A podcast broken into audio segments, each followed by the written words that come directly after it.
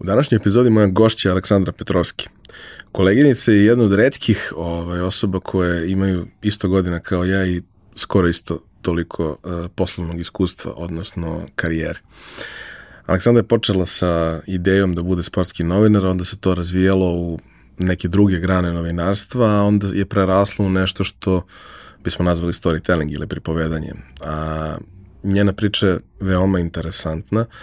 Odnedavno je i ona koleginica podcasterka i iskoristio sam ovu priliku da ispričamo celu njenu životnu priču, kako je došla do toga čime se danas bavi, a to je, pored svega ostalog, postavljanje nekih veoma interesantnih pitanja nekim neobičnim ljudima, što je prilično slično onome što, što i ja radim.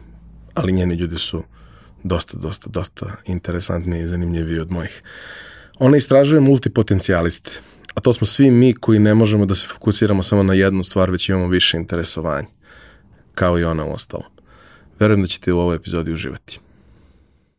Realizaciju pojačalo podcasta već duže vreme podržava kompanija Epsona. Od nedavno smo za vas pripremili nešto posebno. Naime, nova fiskalizacija podrazumeva da mnogo veći broj nas mora da se bavi ovim pitanjem i mnogo je nedoumica, mnogo je e, nedovoljno detaljno objašnjenih informacija. Mi smo se potrudili da na jednom mestu, na sajtu novekase.rs, objasnimo baš sve što može da vas zanima i damo odgovore na sva pitanja, što se tiče same fiskalizacije, što se tiče toga ko je obveznik, kao i na koji način možete iskoristiti subvencije koje država daje.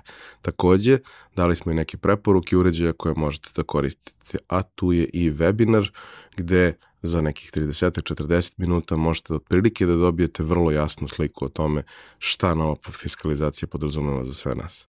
Takođe, treba reći i to da kompanija Epson, osim POS uređaja koji su ovde u centru pažnje, proizvodi štampače u svim mogućim oblicima, veličinama i namenama, kao i već 20 godina najbolje projektora na svetu, a više o tome možete videti na epson.rs.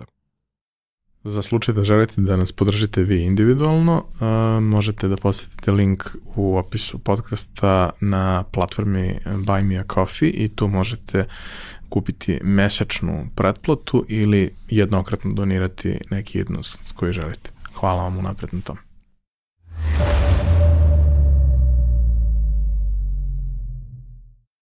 Pa, koleginice, podcasterku, dobrodošla.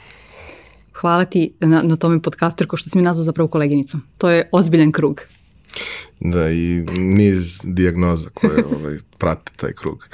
Uh, ti si nedavno pokrenula svoj podcast koji se bavi takođe čudnim ljudima, jo, još čudnijim ljudima od onih kojima se ja ovde bavim. I jedan od razloga, iako si ti već dugo na spisku sagovornika koje, s koje želim da doradimo pojačalo, jedan od razloga zašto to radimo baš sad, je što želim da dam neki dodatni prostor tom projektu, jer mislim da je posebno interesantan i mislim da može da, kao i ove naše priče ovde i provlačenje ljudi kroz ceo život raznih nekih čudnih ljudi koji su sedali na, na, toj stolici, može da im da neke zanimljive uh, uvide i neka zanimljiva možda rešenja i teme za razmišljanje u životnim situacijama u kojima često ne znamo kako da nastupimo dalje, odnosno ne znamo koji je neki naredni korak. Uh, kako bi ti opisala u nekoliko rečenica šta je tvoj podcast? Ne. E, moj podcast e, pokušava da, već si rekao da, da, da ovaj, dovodim u goste i razgovaram sa nekim čudnim ljudima, ja ih nazivam, odnosno ne samo da ih ja nazivam, nego oni jesu multipotencijalisti, imaju ili više različitih zanimanja ili interesovanja, ali pokušavam da zapravo saznam e, kako, kako oni prolaze kroz sve te uloge, kako, kako proživljavaju i promene, sve, kako ulaze u nešto novo, kako svaju nove oblasti i slično, jer nekako mislim da upravo, i ti si donakle to rekao, da možda svi imamo različite odgovore, ali nekako kroz život imamo slično pitanja i dileme.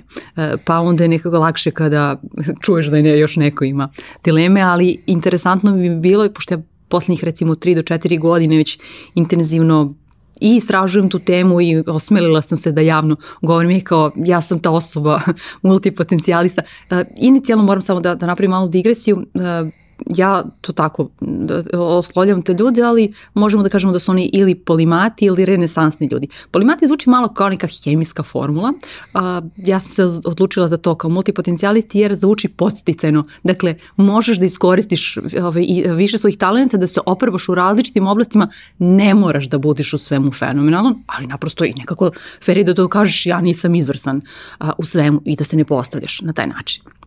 Tako da, ovaj, kažem, ti, kada sam ja počela da govorim, je ljudi, ja sam taj multi, multipotencijalist, onda su mnogi drugi ljudi krenuli kao, e, kao strava, sad sam našao ime diagnozu. kako da, ili, ok, ili diagnozu, kako da kažem drugima šta sam ja, kao ne mogu više da objašnjam naširoko i nadogočko. Tako možda su našli neku utehu. U zapravo ja se malo ovaj, šalim na taj način, ali e, e, kako sve više upoznajem ljudi, sve još više saznajem za još mnogo, mnogo interesantnih ljudi i ono što mi najdraže, ako se osvrnem na protekli period, što sam neke ljude nekako kroz priče i koje sam do sada prenosila, ohrabrila da zaista javnu istu, pa da kažu jeste, ja se bavim i time i time i time i šta mi možeš. Ovaj, ne, ali kažem da, da budu priznati nekad i od strane okoline što je kakvi god da smo ipak nama važno. I važno nam je generalno ukoliko imaš neku profesiju koja je ozbiljna, a imaš neke hobije koji, ok, možda nisu toliko ozbiljni, odnosno prosto ne očekuješ ih od ljudi koji se bave tako nekim poslom, advokati, lekari, slično, da imaju neke hobije koji su umetnički zanimljivi, zabavni, ovaj, obično te i tvoje okruženje diskredituje. Ne. Što, znaš, ko, ne, ne bi trebalo da se desi, ali mi smo nekako takvi, mi kada naiđemo na neku vrstu različitosti, reagujemo kroz odbrambeni mehanizam koji je isključivanje nekako tih, tih ljudi iz, iz uh, neke naše zajednice.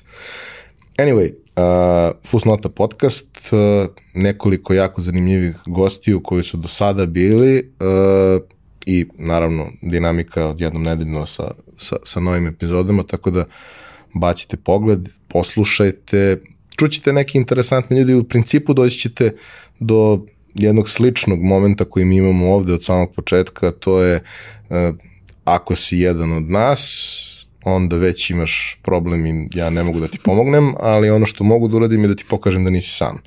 Jer ako si ludi sam, onda je to dosta strašno. A ako znaš da postoje još neki ljudi, onda je to ipak nekako prihvatljivo, ipak se nekako osjećaš uh, delom neke grupe, nekog čopora, nekog plemena, nečega i znaš da stvari koje tebe muče ne muče samo tebe.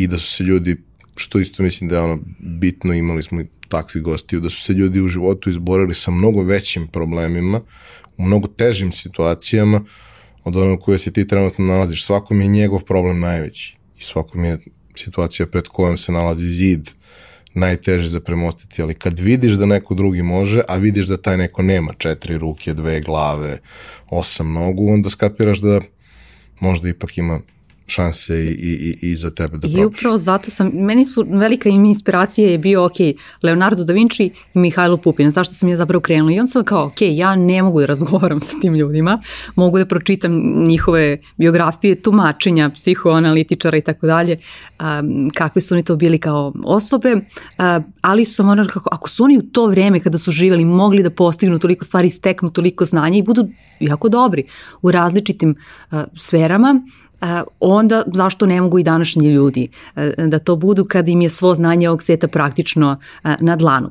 A razlog zašto sam ja baš u ovom trenutku nekako krenula koji mi živimo definitivno nekom prelomnom, onako istorijskom ovaj, momentu, zašto sam sada baš krenula taj podcast, zato što je neminovno da pod jedan životni vek se produžio, pod dva radni vek se produžio, pod tri, čak ni oni koji danas završavaju fakultet za dve godine, pitanje je šta će im biti upotrebljivo ovaj, od znanja i šta će njih interesovati i tako dalje. Tako da to je sve nekako sklop čitavi, čitava puzla zašto nekako odobramo, možeš da imaš i više različitih karijera tokom života, a ovaj, i u okviru, u okviru ovaj, jednog zaposlenja da, da opet ima, da menjaš i uloge i slično.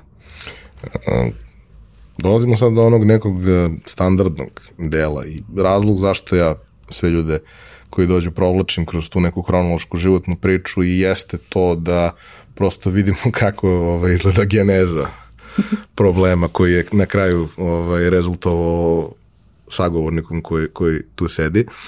Ovaj, ali upravo to, neka, neke, naše, neke naše interesovanja, neke naše uh, strasti se javljaju u najranijem uzrastu, vrlo često nas okruženje uh, sputava u tome, često iz najbolje namere, a nekad to možda nije, nije pravi izbor i sad mnogi ljudi prožive svoj život, čak često i gledano sa strane, uspešni, ali nezadovoljni što se nisu bavili onim čime su želeli, što nisu radili ono što su voleli. Možda, možda da su probali to da rade, možda bi se razočarali, ali nisu probali i uvek odgovor. ostaje onaj, onaj what if da. u toj situaciji. I zato ja tebe, kao i sve svoje prethodne goste, moram da pitam mančmelo pitanje, a to je šta si ti htela da budeš kad porasteš? Ja sam htela da pravim bele novine.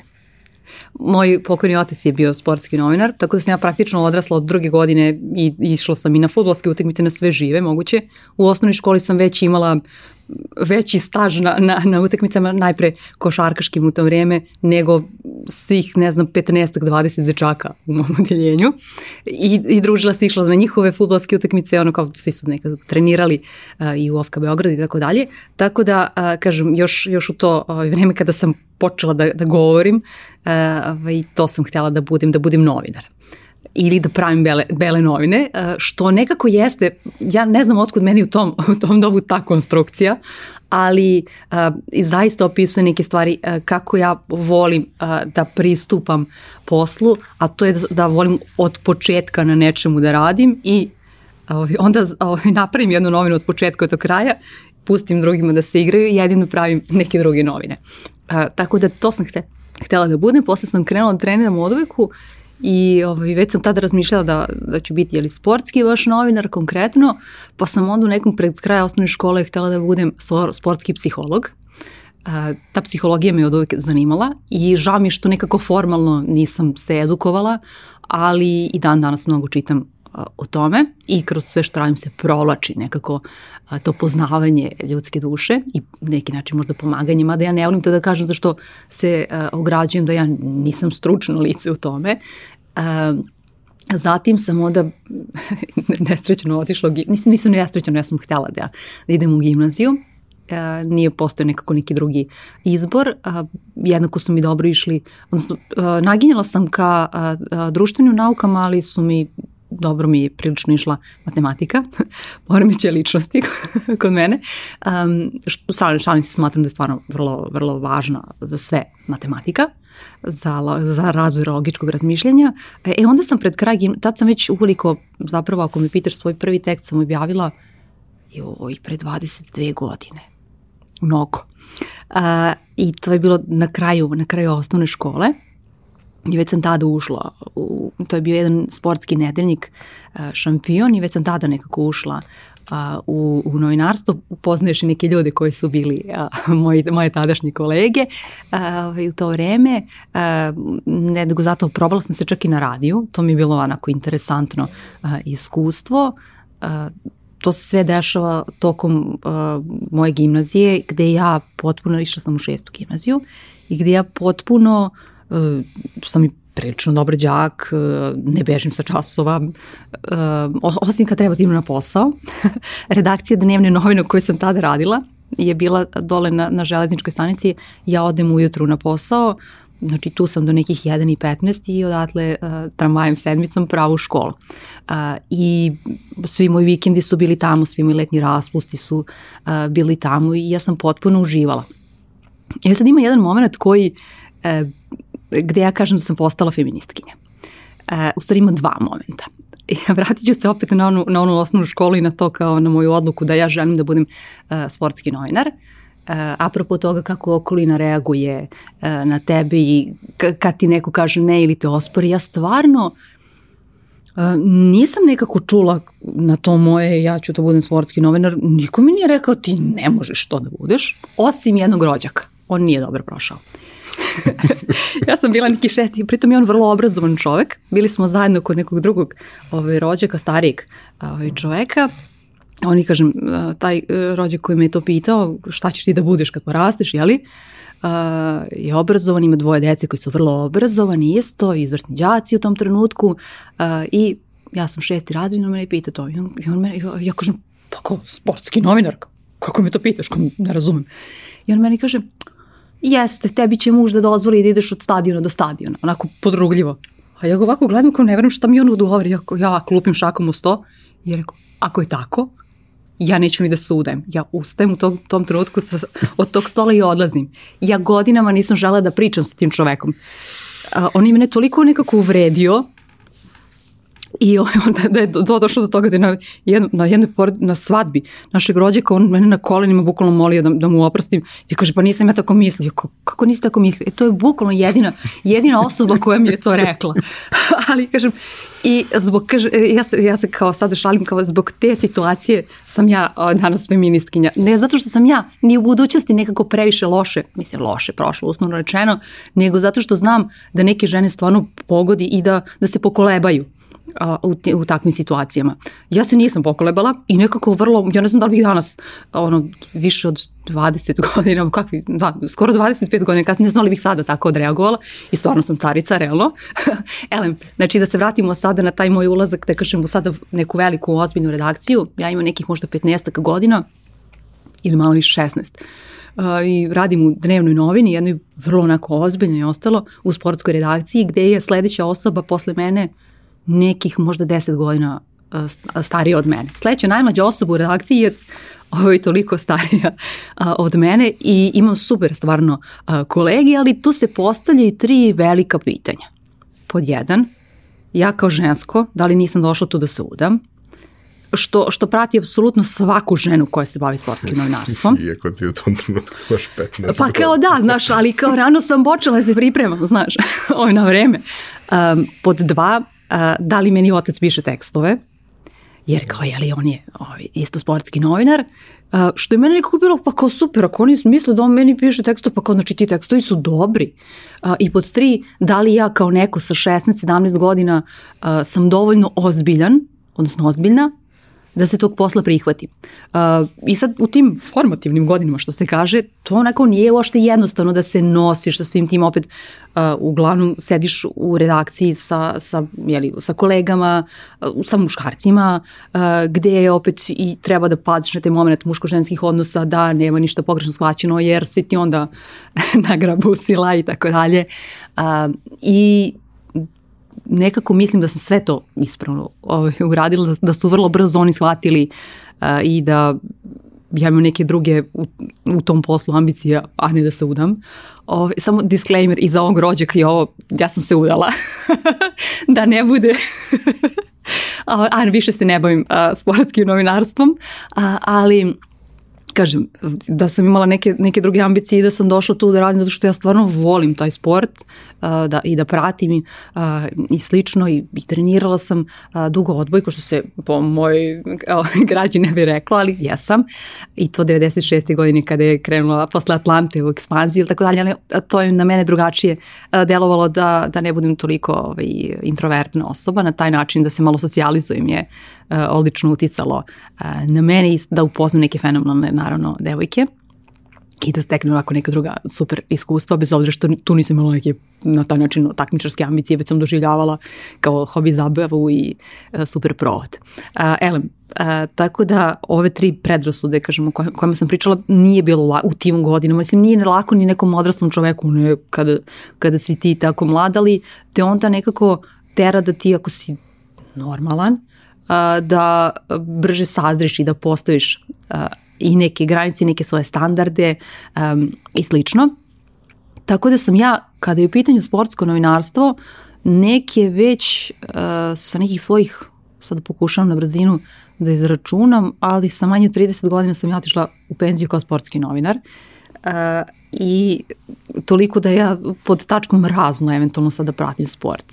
I od tog mogu baš obožavanja došlo je do nekog momenta da ja sam upoznala neke ljudi koji su meni i veliki, onako, znaš, svi imamo neke, pa ne mogu da kažem idole, baš onako neke za koje mislimo da su mega carevi. Uh, za jednu osobu i dalje mislim da je najveći mega car. A ovaj, to je Aleksandar Đorđević i on je meni za nekako potpuna sportska ikona najveća, na, najveća na svetu, za neke druge ljude onako, možda, možda nisu za koje sam stvarno mislila, koj, kojima sam se divila i obožavala ih, nekako ovako kada sam ih upoznala nisu mi bili toliko, uh, ta magija se ovaj, malo ugasila, tako da sam ih i dalje volala i poštovala samo kao sportisti, njihove sportske rezultate, ali uh, samo to sportsko novinarstvo i pogotovo, kažem, uh, bila sam s jedne strane, znaš, uh, u onom prethodnom sazivu Karija Pešića, a, ovaj, kada je bio Indianapolis i tako dalje, sad možda zamisliš, ja u tom trenutku imam 17 godina, a, ja pratim pripreme reprezentacije koja kasnije a, je postala prvak sveta fantastično. I pret, prethodne, prethodne godine oni su bili evropski prvaci Istanbul Isto sam uh, sve te, naravno, nažalost nisam bila ovaj, u Turskoj na prvenstvu, ali sam opet kao propratila i njihove uh, cijele pripreme uh, i posle doček, tad su svi mogli, nisu svi mogli, zapravo bilo je vrlo odabrano i ko se penje gore na balkon i ko ulazi u skupštinu i tako dalje, ali taj neki moment da, da iz nekog drugog ugla vidiš E, zapravo sve to ti potpuno, meni je omogućio jako mi je drago zbog toga da imam više nekih paralelnih života možda i da vidim nešto što, što neki drugi ljudi nisu imali ovaj, priliku da vidi ili da prožive a, i, i slično. Da vidim ono kad, kada se otvara Beogradska arena kako sve to izgleda a, dok još ostali ljudi nisu videli. Ako bih morala, sebe da definišem, a, i pored toga što si htjela da budeš kad porasteš, ja sam sada, u šalim da kažem cool hunter. A, I uvek nekako volim da vidim kada je nešto u povoju, kao šta se to dešava, kako to novo izgleda i ostalo. Pa sam tako isto je pratila uh, ovaj, tenis, ja to volim da kažem uh, ovaj, u doba nevinosti, ovaj, pošto još uvijek su svi oni bili i Jelena Janković i Ana Ivanović i Novak Đoković nekako uspunu i uh, potpuno je drugačije ovaj, sve to izgledalo. Uh, i tako da imala sam priliku na različita putom kada je bila reprezentacija u pitanju ili Fed Cup ili Davis Cup da, ovaj, da idem, jeli, eh, da pratim ih tu, ne mogu da, nisam išla sa njima direktno, ali to čak je bio jedna stvari situacija gde, gde, gde smo bili direktno u istom hotelu sa Jelenom Janković i tako dalje, eh, u Plovdi u Čuvenom, to je baš onako jedno fenomenalno uh, iskustvo. Uh, ona je u tom trenutku, ako se ne varam, bila baš četvrta igračica na svetu, došla iz Charlestona, dolaziš iz Amerike, osvojila si onako prilično veliki turnir, dolaziš da igraš za reprezentaciju u Plovdiv uh, i putuješ nazad iz Bugarske kombijem za Beograd. Ali, dobro, ovaj, bilo je kao sve to interesantno onda kao, prisustvovala sam, jeli, nisam bila u Parizu, ali kada je Ana Ivanović osvojila, osvojila Roland Garros, što je tada u tom momentu baš bilo, sada nije, sad više nije to tolika vest kada uh, neki, u ovom trenutku samo, samo Novak Đoković, ali kada neki naš sportist osvoji, uh, veli, prizna, odnosno osvoji trofej te, te veličine, ali tada je to bilo onako baš wow. Bilo je tih nekih mnogo lepih trenutaka u celom našem odraslu, mi, mi smo isto godište. Da i ovaj, manje više nam se poklapaju svi ti neki trenuci ono, kada se javljaju neka interesovanja jer ih triggeraju iste stvari. Jedno od najčešćih pitanja kad upoznaješ nekog novog, bilo da je, da je ovaj, momak ili devojka, još se sećaš Mijatovog penala. A ako se ne sećaš, nemamo temu za razgovor. Znači ti nemaš isto traumu kao ja i nemamo o čemu da pričamo. Ili Saletove trojke onda imaš nešto lepo čega da. se sećaš da. ovaj, iz cele te priče. Ali nekako u tom nekom mraku i sivilu postojali su ti neki ljudi u nekoliko sportova koji su svaki, svaki za sebe nosili nešto jako lepo, ta odbojka koju sam ja trenirao, koju si ti trenirala, nekako ti momci su i, i taj sport je nekako delovo najčistije, najdivnije, iako nije bio mainstream sport u pravom smislu te reči kao što je to bila košarka, ovaj, znaš, ta, ta čistota odbojke da je to sport bez kontakta gde u suštini mi moramo da nadmudrimo njih tamo i... Pogotovo kada se bilo po starim pravilima, ja se sećam, ne znam da li ste ti ja i dan danas da. nisam pre, preboleo što su izbacili promene, znači juče sam baš pričao o tome, evo, 20 i kusur godina je prošlo, je meni i dalje nedostaju promene. Meni je uh, fenomenalno bio, ne znam li ste bio na tim utakmicama, kada je prvi put dolazila Italija uh, na svetsku ligu, kada ono, čekaš ispred pionira više od dva sata. Mislim, ja u tom trenutku nisam sportski novinar da mogu doći na drugi ulaz, nego još sam pritom ono, da kažem, mislim navijač, ali, a, i to je nekako fenomenalno, baš. E, zato te kažem, kao, to je, to je e, i odbojka tad bila ono doba nevinosti. Mislim, ok, ne računamo a, a, titule koje su osvojili, odnosno medalje 70-ih i tako dalje, ali ovo je neki početak onoga što danas na neki način Ali, gledamo. Mislim, onog trenutka je to sve krenulo da se dešava, ti si bukvalno imao situaciju da ono, neko društvo iz škole se skuplja, idemo u šumice da gledamo poštar jedinstvo. E, ja sam inače bila brzi brisač, ovaj, pošto sam trenirala u šumicama, ovaj, odnosno ne, trenirala sam u poštoru, a, dole na, na, na Dorćolu i ovi, onda smo kao angažovali me kao, jeli to, kao, to isto kao događaj bio potpuni. Ovaj, mislim, naravno, šta god kada treniraš nešto pa te tako pozovu da na neki način da učestvuješ na utakmici, znaš, i kao pogotovo ti odeš kao u šumice, pa onda gledaš a, neke ono, žene koje, koje igraju, to, to je Hollywood potpuni, a go, ovaj, posebno ako stavimo to u kontekst sredine 90. godina kada, si, kada, kada nisi imao ovaj, 3D naočare da staviš i da prolaziš kroz neke životne situacije, nisi imao internet praktično. Ovaj, da pa vidiš nisi imao mogućnost da se na taj način izmestiš kako to možeš Tako danas. Je, da, ono, da. Pričamo često na tu temu, znaš, kao pre prethodna generacija ljudi i naša generacija u tokom odrastanja, ako si hteo da gledaš seriju, postoje jedan način da gledaš tu seriju, samo jedan. Sada možemo ti i ja da gledamo seriju u različito vreme na različitom delu zemljine kugle i da se kroz treću platformu dopisujemo o tome i da komentarišemo nešto što je u suštini ono individualno on demand. Možeš da gledaš kad ti hoćeš, kako ti hoćeš. Nekad se bre život formirao po tome kad je serija. A, a uskoro ćemo moći, mislim, sve ide ka tome kada je u pitanju igrana umetnost, da gledamo različite krajeve toga i, ostalo. Tako da, mislim, postaće tvakodnica sada, sada se ide ka tome. Uh, da se vratimo u ovo naše davne vremena. sa, sa, sa odbojkom i, i sve te neke divne stvari koje ona donela i ono kao prvi, prvi odlazak u Novi Sad je odlazak da se ide da se gleda da. Vojvodina, jer kao zašto ideš da gledaš? Pa zato što Vojvodina igra Ligu šampiona. I imaš tu neke momke koji su ono, u, u B reprezentaciji, koji imaju potencijal, neke klince koji mogu možda da dođu u A reprezentaciju i tako dalje. Sve te, svi ti momenti te nekako obeleže, pokažu ti neke neke zanimljive načine na koje ove stvari mogu da se odvijaju, da, da, da neki sport za koji do pre pet godina nisi znao može da postane jedan od najvoljenijih zato što ima protagoniste koji su uh, šarmantni, zgodni, neugodni, pravi borci. Ovaj, I e, to je neki fenomen koji traje već 27-8 godina i fantastičan deo toga koji zapravo nismo imali uopšte ni, ni u jednom drugom sportu do skoro je da je muška odbojka inicirala nešto čemu se kasnije pridružila ženska Ženska, odbojka da. da smo mi u jednom dužem periodu uh, dakle, faktički skoro od 2003. četvrte godine u svetskom vrhu u obe konkurencije, mi to ni u jednom drugom sportu nemamo. Da, nešto kratko je bilo, ali nekako su se mimo išli košarka, što mi je jako žao, naravno, ali ove, ovaj, da, to je, jer znači kao muškarci, momci su zapravo ovaj, generalno pokazali devočicama u tom trenutku kako ovaj, mogu da, da takođe uživaju u odbici. Meni recimo, ja sam sa kapitenkom bivšom reprezentacije Jelenom Nikolić, zajedno smo isto trenirale na Obiliću, pošto sam ja neko vreme i, tamo bila, ona je već bila u prvom timu jako mlada,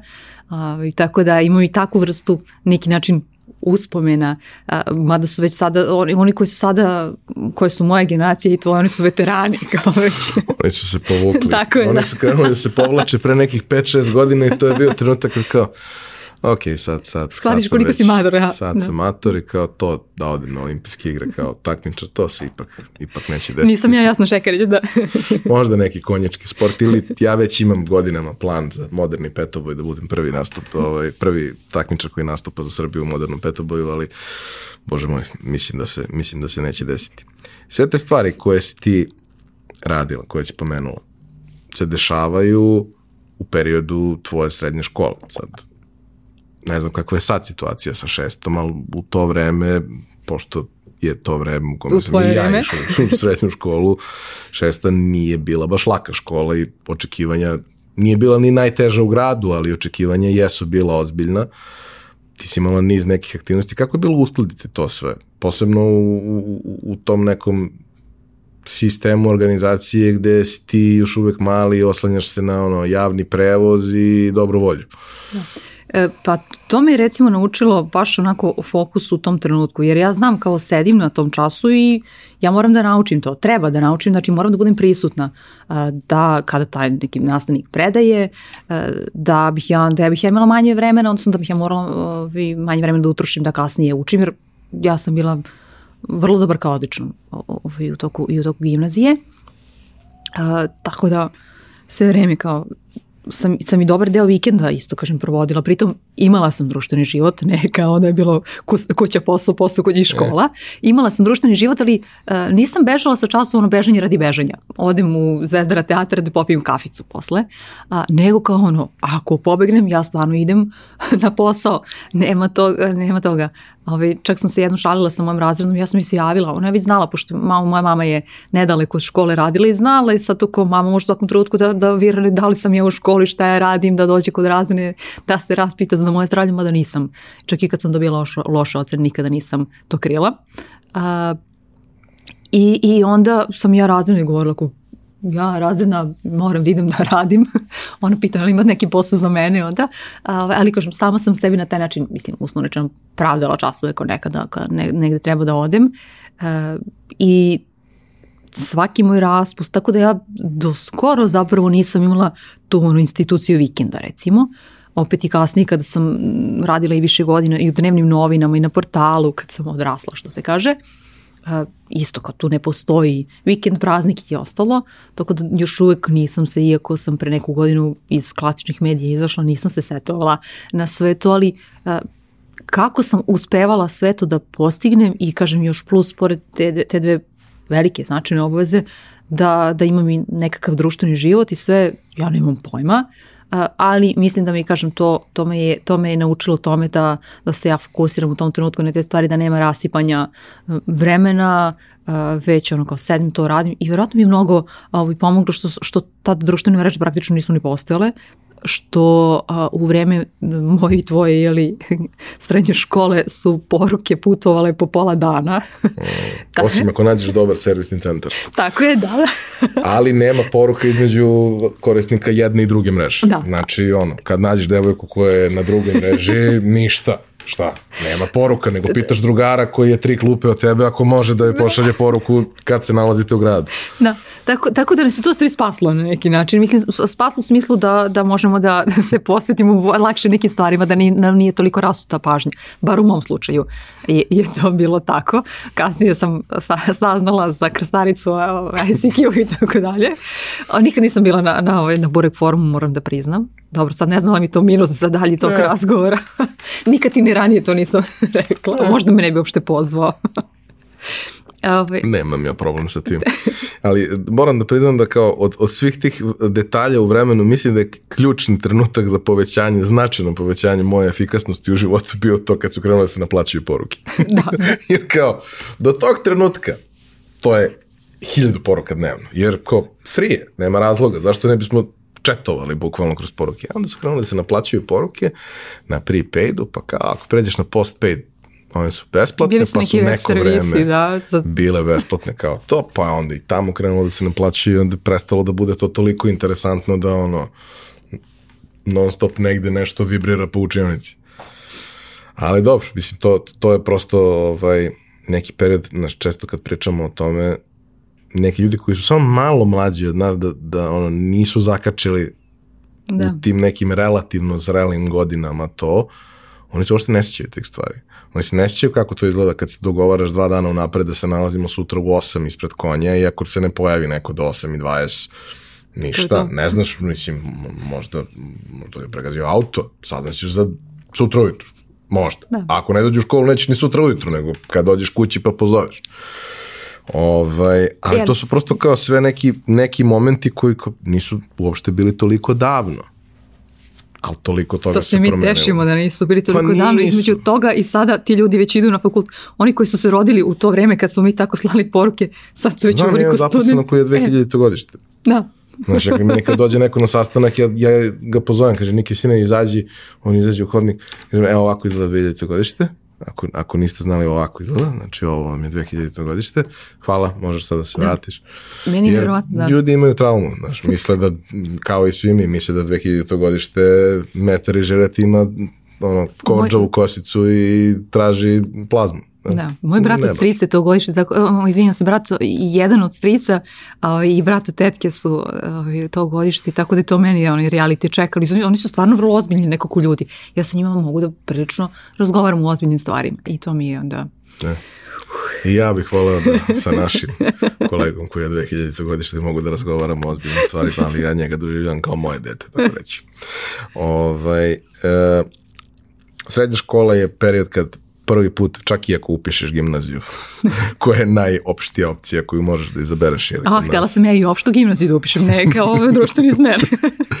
ovaj, prvi put se malo susrećeš sa nekim kompleksnim stvarima. Sve ono što učiš kroz osnovnu školu, nekome ko je bio radoznao kroz odrastanje, manje više ti je većina toga poznata, tek možda, ne znam, sedmi, osmi razred, ti naletiš na neke stvari koje nisi pročitao u dečijem sve znanju ili nisi gledao u obrazovnom programu ili tako nešto. Uh, ti si znala da želiš da budeš novinar u tom trenutku i dalje si mislila da ćeš biti sportski, ok. Čuj, mislim, ja sam intenzivno radila ti si tada. Bitan, ti si se intenzivno bavila time, ali je li bilo nekih stvari na koje si naletala tokom uh, školovanja ili nekih ljudi na koje si naletala koji su ti ono palili neke lampice za koje nisi znala da postoje? Da.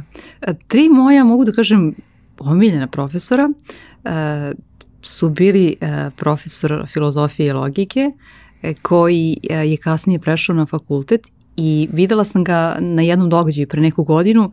Ja sam njega baš mnogo ovaj, obožavala, kao, kao profesora i nikako kao ličnost, zato što nam je baš dozvoljavao i da se igramo i uh, prilagodio nam tu filozofiju uh, na način da je mi shvatamo, to je stvarno, znaš, nije lako ti kao sediš bubaš, ovo je rekao ovo, je rekao, šta ti ništa ne kapiraš. Ja sada uzimam tu knjigu, našla sam je slučajno Jako, ja ovo tek danas razumem. Zapravo tada ništa nisam razumela. Možda bi mi pomoglo da sam, ali verujem da stvarno niko, samo, su, samo smo bubačili, što je šteta, jer to je stvarno esencija. Ovaj, tako da, e, ovaj, on, naravno, prema, prema znanju koje, koje sam stekla profesorka psihologije i volila sam recimo profesor sociologije ni bio bivši direktor pa je te godine, odnosno ovaj, posle, posle 2000 te je samo profesor bio, ali je bio onako veliki autoritet. Ja volim napravo, ako je neko autoritet s razlogom, odnosno ako ima kredibilitet određeni, a ne samo da trenira strogoću. A on zaista je imao ogromno znanje i ja sam nekako baš volila da se nadmudrujem sa njim. Ja volim da se nadmudrujem sa ljudima koji su ovaj, koji su i pametni i obrazovaniji od mene, što u, tom trenutku moj profesor sociologije jeste bio, meni nije zabavno da ja, da, da se nadmudram sa nekim koji je na neki način infori, inferioran u odnosu na mene. A, jer tu probavam svoje onda mišići. Kažem tako da su mi oni bili, imala sam fenomenalnog profesora srpskog jezika sa kojim sam se takođe ovaj, nadmudrivala i slično, koji je e, moj pismeni zadatak držao najduže moguće, pogotovo jedan koji sam recimo pisala o njemu. Ovi, sve ostale donese ocenija moj tu drži toliko dugo i tako dalje. E, tako da su mi oni baš, baš onako bilo, um, to su mi bile recimo interesantne e, I to je donekle, ako me pitaš kao šta sam još htjela da budem kad porastem, htjela sam da budem možda i producent čak, zato što smo, zato što smo ovaj, imali, radili smo kao na to razne otvorene časove i tako dalje iz, ne znam, iz geografije, iz psihologije i ostalo um, i ja sam tu bila glavna, mislim to je na neki način po, polured, nisam baš bila, ne mogu da se nazovem rediteljem, ali ovaj, glavno to ako bude ekipu, ti ćeš ovo da radiš, ti ćeš ovo da radiš, ovo ćemo ovako, pa ćemo da uzmemo ovako i ostalo. I bila sam i, i voditeljka programa, jeli? što sam na neki način i danas ponekad a, i u životu. A isto nešto što me obeležilo, recimo, mislim obeležilo, nisam znala da ću se na, na takav način kasnije u životu imati takvu vrstu interesovanja, ali je moj maturski rad o Beogradu. Ja ne znam kako sam to izabrala uopšte, ali to je danas uh, ono što onako sa strane, sa svoju dušu što baš volim da i da cunjam Beogradom i da um, to, to je moja terapija potpuna kad idem onako i gledam šta su kakvi natpisi, vidi kako je ova zgrada i tako dalje. I imaš te slike e, bašte e, po gradu da. i tako neki. Ove, I onda uvek i, i pronađem neku priču o nečemu, jer ja zapravo volim da ako me pitaš i istorija je bila jedan od mojih omiljenih uh, predmeta, ali uh, na način da shvatam kako su ljudi prolazili kroz neke stvari, kako su, uh, jer istorija se ponavlja, različite su samo pojav, pojavni oblici, rekao je neko mnogo pametniji od mene i zaista tako, onda kada poznaješ uh, istorijske prilike, onda ti nekako ono što se dešava u sadašnjem trenutku i što će se dešavati u, u budućnosti otprilike možeš da, da pretpostaviš kako će to ići. E, i, i, iako, ako s druge strane poznaš ove, ljudsku psihu i način na koji čovjek funkcioniše, nekako ti je baš jasno. Ne sto postotno, ali dobrim delom možeš nekako neke stvari da predižeš i ove, znaš zašto se neke stvari dešavaju, što je meni važno. Ja, ja volim da, da, da znam. Ove, tako stvari ne iznenađuje me, malo toga može da me baš iznenadi. Da, desilo se nekoliko stvari u prethodnih par godina koje mogu da iznenade svakog. Ok, da, ali nije da nisu bile uh, unazad, da, da se nisu očekivale ako, za, za one koji su baš onako duboko zašli. samo, ček, samo očekuješ da sada, ono, vek kasnije, su stvari drugačije, ispostavi se da, da zapravo ne. nisu i da, ono, očigledno I svaka generacija mora da prođe mm -hmm. kroz jednu takvu vrstu pa možemo da kažemo golgote na neki način, ono, torture, ako ništa drugo, onda psihičke. Da. Ovaj, srednja škola, završetak srednje škole, trenutak kad se svi opredeljujemo za to šta ćemo sa sobom. Mislim, neki su opredeli ranije, neki znaju no, svoj put koliko već, Novak Đoković je znao sa 7 godina. Ovaj, ali većina ljudi tada prvi put donese neku pravu odluku, uh, u kom smeru želi da ide dalje. Ne znači da će se zapravo na kraju baviti time, ne znači da će završiti taj fakultet koji je upisao, ne znači da to što delovalo da, da, da, da interesuje da će stvarno biti nešto što, što, što se ispostavlja kao, kao dobar izbor. Koliko si ti uopšte u trenutku završetka srednje škole, to nisam mnogo ljudi pitao, ali jesam par. Koliko si ti uopšte bila svesna koji su izbori pred tobom i šta oni znače? Ne samo, znaš, kao doneti izbor. Ok, volim ovo, ići ću tamo, ali kao, koliko si bila uopšte svesna šta znači svaki od tih izbora koji su potencijalno pred tobom? Jer kao, ljudi upišu uh, biologiju misleći da je to nešto potpuno drugačije od onoga što se ispostavi a ipak mi se čini koliko god bili mladi u tim godinama, da smo ipak dovoljno odrasli da bi ne. trebalo da imamo sposobnost da makar istražimo šta nas zapravo čeka pred tako nekim odlukama, da, da oko takvih stvari, kao što je izbor fakulteta, a posle izbor nekih drugih stvari u životu, ne slušamo samo nekakav unutrašnji instinkt i impuls, nego da prosto malo uključimo i raciju u celu tu priču. Ne zapostavimo emocije, naravno, ali da na neki način uključimo i raciju. Kako, kako je to u tvojoj ovaj, dobro organizovanoj glavi da. bilo u tom ja, trenutku? Ja jesam, onako, ja bih rekla za sebe, prilično racionalna osoba, možda čak nekad i previše, e, na moju štetu, a, ovako bilo, znači ja sam već uveliko radila, jeli, tako da sam znala da uh, mi nije opcija da upišem FPN. Uh, ne zato što ja sam imala ili imam nekako loše mišljenje o tome, već sam ovako kalkulisala. Aha, dobro. Ja imam jedan zanat u rukama, to je novinarstvo. Ako sam obrazovana osoba kao takva, ja mogu da se bavim tim novinarstvom. Tolike godine već pišem. Um, i, i, i postoji drugi način kako mogu da poradim na sebi. Uh mhm. -huh. Šta ja mogu da upišem još nešto da imam neku rezervnu varijantu? Znači, ja sam sad nekih 18-19 godina već razmišljala ono šta je, šta, šta je, je moj plan B, tako je, da. E, i onda u tom trenutku sam ja nekako dosta bila u kontaktu sa mojim sestrama od ujaka. Jedna je jed, godinu dana starija od mene, a ove dve su četiri i pet. I one su bile lepe, uspešne, um, um, očevi, su im, očevi su im bili uh, uspešni u poslu i sve tri su studirale, odnosno uh, završile fon. Ja sam rekla, ako je njima valjao, valjaće i meni. I sad ja kao jednom trenutku se e, opredeljem na početku četvrte godine, ja idem da spremam matematiku. Kažem, meni matematika je dobro išla, ali sam ja društveni smer idem spremam matematiku i za svaki slučaj i tu imam plan B, plan B, spremit ću opšte obrazovanje, pošto sad moglo da se, ne znam kako je sada, tada je moglo ovaj, obe stvari da se polože.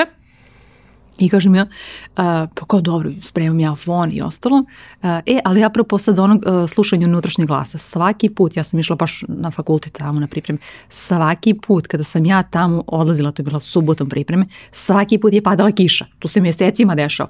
I meni neki unutrašnji glas govorio, ti Aleksandra nisi meč i meč s ovim fakultetom, nešto postoji. A, pa i možda sam ja to tako tumačila, te znakove pored puta, ali nešto je u meni, kažem ti, govorilo to.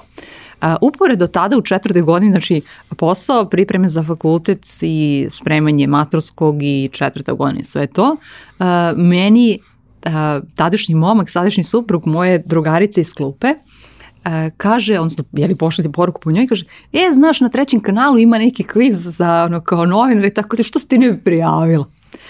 ja se prijavim. I sad to je bilo onako super neko iskustvo, mi smo tu imali, da kažem, školu. To je neki način pa ne mogu baš da kažem, ali bio pandan tada vrlo popularnom trikaduru. 15 minuta slave. Uh, I ja se tu prijem, pošto je tu bila i deo škol, da kažem, prolazili smo, imali smo različite uh, predavače, tu i sako, tako da jedno super iskustvo. Nisam se ja proslavila nešto, nisam baš imala nekih svojih, imala sam samo 15 minuta slave, ne više. Uh, međutim, uh, tadašnji urednici uh, trećeg kanala, kada je kretalo ove, već proleće, uh, su nagovestili to, odnosno zvali su me na razgovor da ja, da kažem, krenem da radim na, na, na trećem kanalu. A, I onda ja stanem sa razmišljam, rekao, dobro, ja kupišem onaj fon. Ja ću tu da gulim, ništa neću moći da radim. A kako ću ja sad, rekao, ja ću biti nesrećan i tako dalje. Viš, na kraju ipak odlučila ta moja emocija, ali ima tu twist, twistov twist. Uh, I ja kažem, dobro, ajde ja da upišem nešto što ću moći uporedo da studiram. I kao, ne, fakultet ne treba samo da se upiše, nisam ja sumnjala da ću ga upisati, nego koliko ću ja to da razločim se da završim. Fakultet treba da se završi, ne samo da se upiše. I, ovaj, a, I onda ja odlučim, aha, dobro, ništa, ja ću da upišem menadžment na privatnom fakultetu. I to mi isto, to je uglavnom ekonomija, organizacija, tako da ovaj, to mi isto zanat, ja mogu na različitim mestima, imam, imam različite opcije za posao da, da, da upišem. A, ja sam to, znači, ovaj, otišla sam na kraju, bukvalno 10 dana pred prijemni, ja sam odlučila da neću upisati fond, da ću otići a, da, da ovamo da polažem prijemni i upisala ga i tako dalje.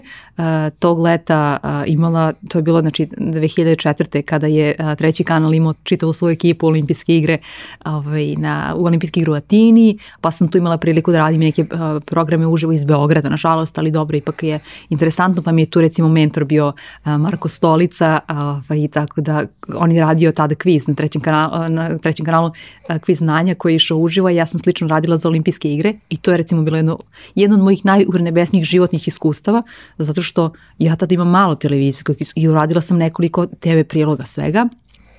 Treba da radim uh, kviz koji ide uživo gde se javljaju uh, gledaoci gdje nemaš pojma šta sve može da se desi od toga da se nevi, kako će on da reaguje i sve ostalo. I sada, a imamo vrlo malo vremena da mene Marko pripremi da, da sve to bude kako, mislim, bilo je kako valja, ali uh, ja možda danas ne bih pristala na, na to, ali tu sam bilo kao super, ovo je baš strava.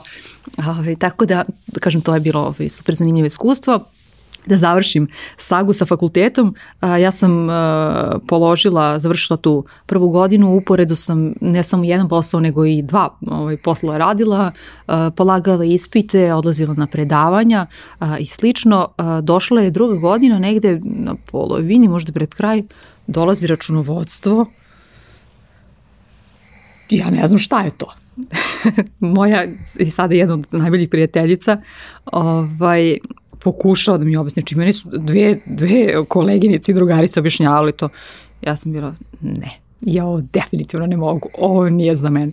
I šalim se da sam zbog, zbog tog računovodstva i onda sam shvatila, aha, dobro, ja ovo ne mogu da završim. Ja sam se prebacila na novinarstvo, tu završila sam, on sam praktično polagala sam ispite razlike, tako dalje, tako da sam praktično na neki način ovaj, da bih stigla dala dve godine za jednu i pošto su i sa ispitima razlike i ostalo i na kraju sam tu, tu završila novinarstvo, imala sam neke stvarno um, sjajne profesore, ali tu sam recimo videla, poredeći se sa nekim kolegama koji praktično tu tek se upoznaju sa novinarstvom,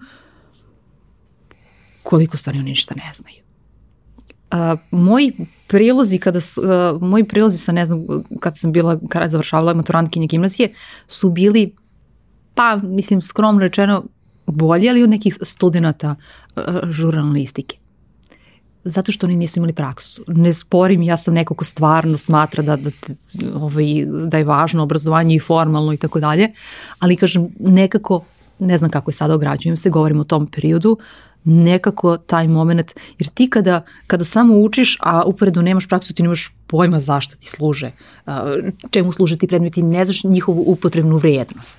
Ja se recimo, dosta, dosta je bilo onako širok, pa smo imali i teorije mas mediji i tako dalje, stvarno neke super predmete, ja se i dan danas vraćam na te knjige, one koje su mi ostale a, ovaj, i ko, ovo je u stvari vrlo, vrlo dobro, iako ok, neke stvari su se malo promenile, ali suština je, suština je ista i ja ih sada mnogo bolje shvatam nego što sam ih tada shvatila. Skoro sam komentarisala apropo shvatanja sa, sa jednom drugaricom, uh, ne znam da li je Ramba Amadeus postao shvatljiviji ili ga ja samo bolje danas shvatam nego što sam ga ranije ovaj, shvatila, ali na konta toga što ne znam, ok, Sokrat više nije živ, svakako ni u jednom trenutku se nismo sustavili života, ali kao sada ga naravno mnogo bolje shvatam nego što sam ga shvatila kad sam imala 18-19 godina. Dobro, neke stvari dolaze sa, sa, i sa godinama da. i sa kilometražom. Mnogo više sa kilometražom nego sa da. godinama. Godine, godine mogu da se kompresuju, mogu stvari da se ubrzaju da. dosta, ti si to prilično radila u, u, u tom nekom periodu. Uh, ok, prošli smo taj neki deo studija, jedan, jedan važan deo tvog života, ali ne, nismo postavili tu priču posla, ja mislim, na neke uh, m, dovoljno jasne noge. A, zašto to kažem? E, iz ovoga kako si ti to objasnila, deluje kao da je to bila jako ozbiljna, ali ipak igra u nekom prvom periodu i nije baš jasno u kom trenutku je to preraslo iz igre u nešto više, u nešto što je realna obaveza, ne samo imamo tu neko talentovano dete, ako nešto uradi super, ako ne uradi, nema veze idemo dalje. Tako da ja tebi postavljam moje drugo pitanje koje postavljam svima poslove Infostut, pitanje šta je bio tvoj prvi posao? Kad kažem posao, to je ono prva stvar za koju si plaćen.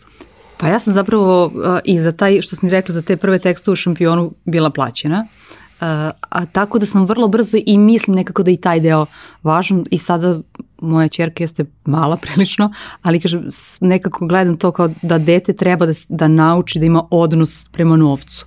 Um, I ja sam još i u srednjoj školi svoje knjige, svoje ekskurzije i tako dalje sama plaćala.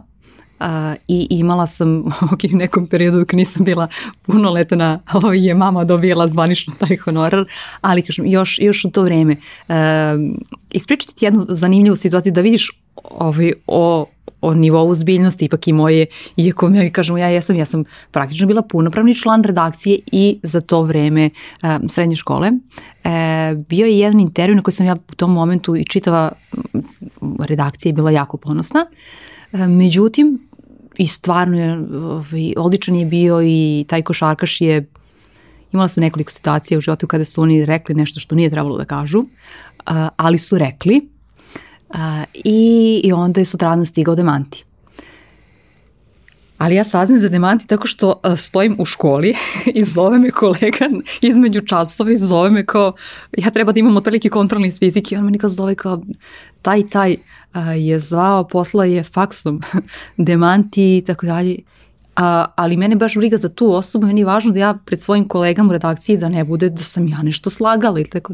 I mi kažem, reko, ali ljudi, reko, ko ma znamo, kao mi tebi verujemo, nije uopšte to, to problem. A, taj košarkaš me inače po nekoliko godina nakon toga, a, kada sam ga pozvala nekom drugom prilikom, a, izvinio mi se i rekao je kao pa ja ne znam kao zašto si ti mene, otprilike mi rekao ja sam morao to tada da uradim. I, o, ali to je još onako bilo meni velika, velika trauma kažem, da, da, da dokažem nekako svojim kolegama da nisam, da to stvarno nisam izmislila.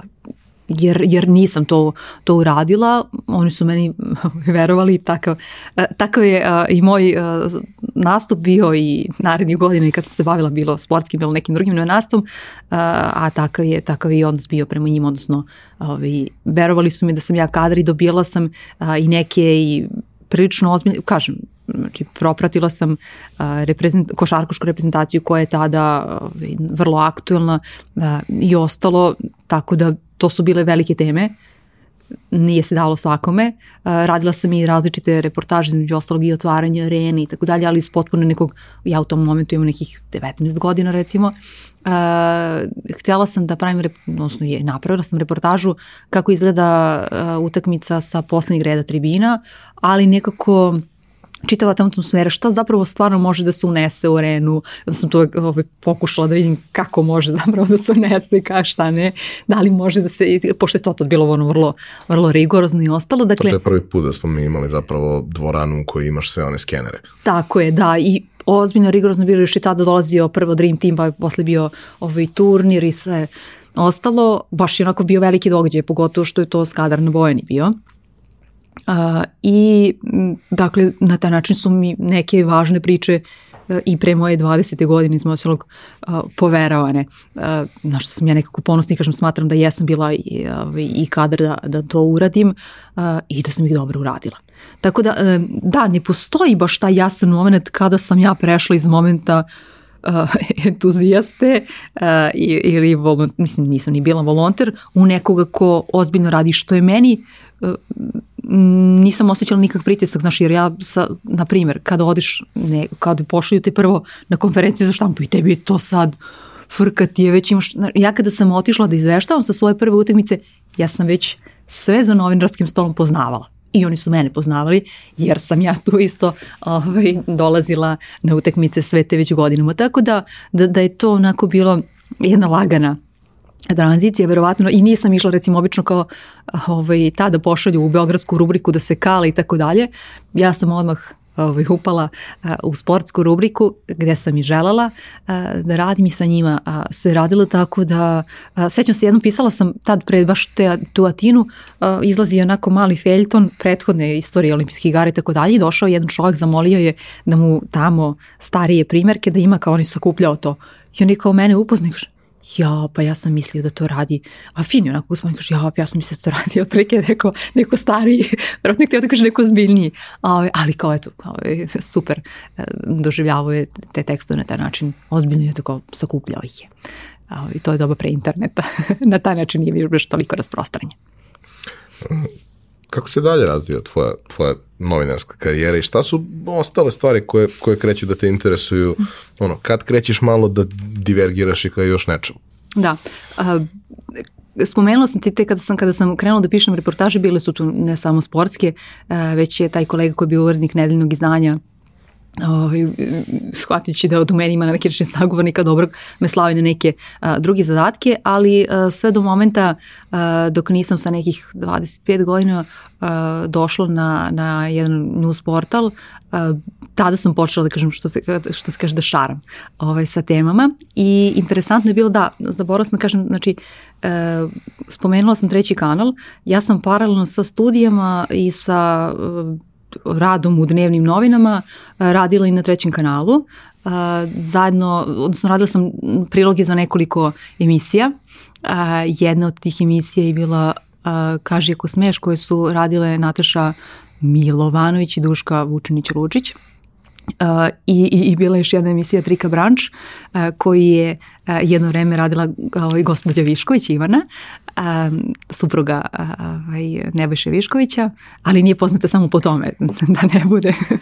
um, tako da sam kažem radila, radila prilazi i to su bile teme koje nisu bile uh, sportske uh, i meni je to bio vrlo zanimljiv uh, izlet kada sam došla, ali i, ali i super iskustvo. Skoro sam baš a, negde napisala a, da za čitavih tih, tih godinu dana, to je već bilo pred kraj a, sam treći kanala, za čitavih tih godinu dana kada je treći kanal zatvoren, moj honorar je bio toliki da sam ja, znači neke 2006. kada sam ga konačno dobila, mogla da kupim jedan digitalni fotoaparat. Uh, koji je tad bio skup, ali mm, mislim skup nije, nije sad kao sada ovaj, toliko jeftin, ali kažem toliko je taj moj honorar bio. Međutim, šta je meni to iskustvo značilo? Kada sam došla na, na, na taj na portal da radim, ja sam tu, već, tu u tom u prvom naletu radila samo tri smene nedeljno takav je nekako bio dogovor, njima je u tom trenutku bilo potrebno osoba koja će samo toliko raditi i sve. Ja sam dala otkaz na, na prethodnom mestu gde sam radila I došao i izašao je a, ovaj, tadašnji urednik, koga ti takođe znaš, Daniel Vukomirović, a, ko, koga ja izuzetno baš cenim kao, kao a, medijskog privrednika. A, I koji je rekao kao, joj, koleginica koja, koja radi video rubriku, mora na, na duže bolovanje, ne znam da kako, šta da radim, koga da zovem i tako dalje. Ja sam rekla, rekao, pa dobro, kao, evo, mogu ja to da preuzmem, kao već, oni su, su bili jako zadovoljni kako sam se uklopila i ostalo, kao, pa rekao, već poznajem eto, sistem i tako dalje. Kao pitao mene, pa znaš ti da montiraš? Rekao, pa znam ja sam znala da montiram, utoliko što sam gledala proces montaže kako izgleda, ali ne i da ja sednem za premijer. Ti si znala da drugi montiraju. da, da. Što, što, nije, što nije neki način loše, kao znaš makar neke okvire, jel? Naravno. I sad, ok, ja nekad idem da snimam sa ekipom, a nekada idem da snimam, nekada snimam sama sa handicamom i nekada treba sama da izmontiram ja sam to vrlo brzo naučila sam stvarno to da radim, mislim nije to profesionalno tako dalje, ali za neke osnovne stvari i imamo u vidu da, da je to 2010. godina, dakle vrlo rani radovi web TV-a uh, i tako sam ja nekako lagano Uh, već tada uh, ja se šalim da sam uh, okačila tastaturu o klin kada je Davis Cup reprezentacija osvojila tu titulu. Tako da radila sam i pomalo i kasnije sport, ali to je ono bilo moje poslednje veliko takmičenje. Mm, I polako sam prelazila da radim tu, tu video rubriku koja je zapravo bila onako, nisam ja uh, od starta formirala, ali je bila dosta u povoju, ja sam je nekako razvijala i trasirala joj put kako je meni Danilo povjerovao da, da ja to stvarno znam i ostalo, ja nemam pojma. Ove, ali i, i u par navrata je on bio ta osoba i nekako ti treba uvijek, uh, vrlo ti dragocena ta, ta osoba u životu koja pa možda i malo više veruje u tebe nego što ti u tom trenutku ili, ili vidi nekako neki potencijal u tebi, ne znam kako da to definišem, nego što ti u tom trenutku um, misliš da možeš. I, I tako da je i kasnije na sledeću poziciju koju sam prešla i opet je nekako, ja sam se tu možda kao malo namet, mislim nametnula u smislu, ja sam krenula da učim ovaj, to i onda je ovaj, on nekako prepoznao to i podržao i prešla sam na, na sledeću poziciju koja me formirala. Hajde sada da ispričam taj deo. Um, I kako je došlo stvari do toga. Znači, e, ta, ta, to je e, period razvoja uh, društvenih mreža kod nas i okupljanja nekako neke zajednice i ostalo. Uh, I spomenut ću još jedan interesantan trenutak, to je Twitomanija uh, u Domu omladine. ali jedno to gledam kao fenomen. E, znaš kako kaže gospođa Angelina? Ja to gledam kao traumu, ali dobro. e, ok, ja sam tu došla iz novinarske radoznalosti, dešava se nešto u gradu što je neobično, što je interesantno, što je drugačije i I onda sam jeli, na neki način krenula da istražujem taj svet i slično. Sad ti kažeš, je to treba bolje da uh, da, isto recimo dosta nekako meni dalje trasirala put i kasnije e, blogomanija e, Stara planina 2012. ako se ne varam, ne 12. je bilo Vinodolska, ovo je bilo 11. Ali tako nešto, nisam sigurna 100%, ali to, to su neke te uh, godine uh, i ja sam tu polako iz uh, od novinara pa kasnije video, pa mogu da kažem video producenta na neki način, jer ja sam mnogo više stvari radila nego samo, samo taj, taj novinarski deo posla. A, idoli su mi bili Marka Žvaka, naravno. Kao i svima. Ove, I koji su kasnije, a, ja sam kasnije imala neku drugu ulogu ove, na tom portalu i koji su kasnije došli da sarađivali smo i čak sam ja onda preko veze išla sa, sa njima na snimanje i to je meni bilo fenomenalno. Ove, bez ura što snimanje nije bilo nekako spektakularno, ali opet njih dvojica su, Dušan i Dušan su vrlo autentični a, likovi i danas stvarno rade sjajne stvari, još uvijek posle toliko godina.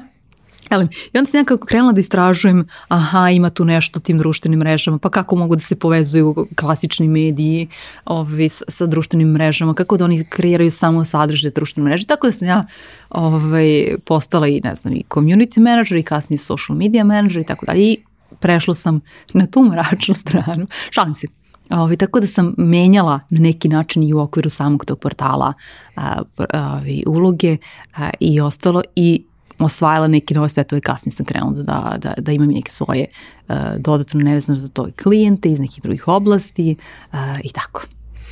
Danijela je jedan od tih ljudi koji je ovaj, ono, u celoj toj istoriji dugo više od 20 godina, 25 godina, nekako iz meni neobjašnjivih razloga uvek nepogrešivo znao da prepozna ljude koji su da koji nose sa sobom izuzetan potencijal. Nekad je to očigledno.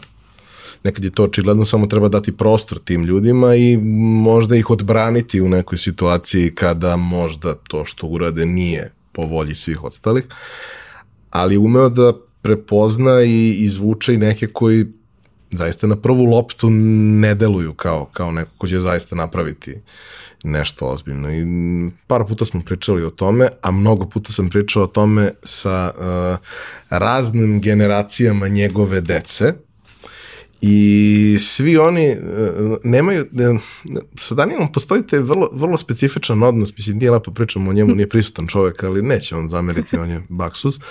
Ovaj, taj, taj vrlo specifičan odnos gde kao to nije to nije ljubav, znaš, kao, moj, moj prvi urednik, kao, znaš, ono, srculenca i jao, to je nešto najdivnije na svetu.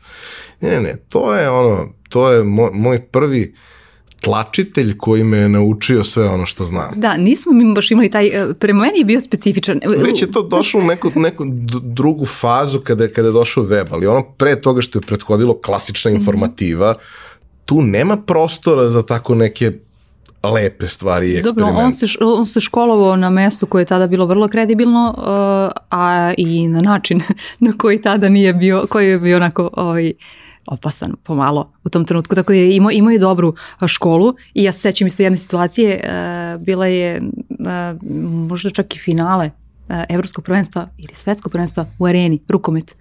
Srbije i Hrvatske, ali tako bilo, da. I gde Daniel meni kaže samo kao, e, a... Uh, polufinale, e, mislim, bilo je. Srbija Hrvatska, dobili smo Hrvatsku, smo igrali tačno pre 10 godina bilo inače. Ali je bilo ozbiljno napeto, onako, mislim, yes, cela situacija. Jeste, smo tipa dva gola razlike, onda smo igrali finale s Dancima. E, i ovaj, I gde on meni kaže kao, e Alex, ajde idemo da vidimo šta se dešava ispred arene.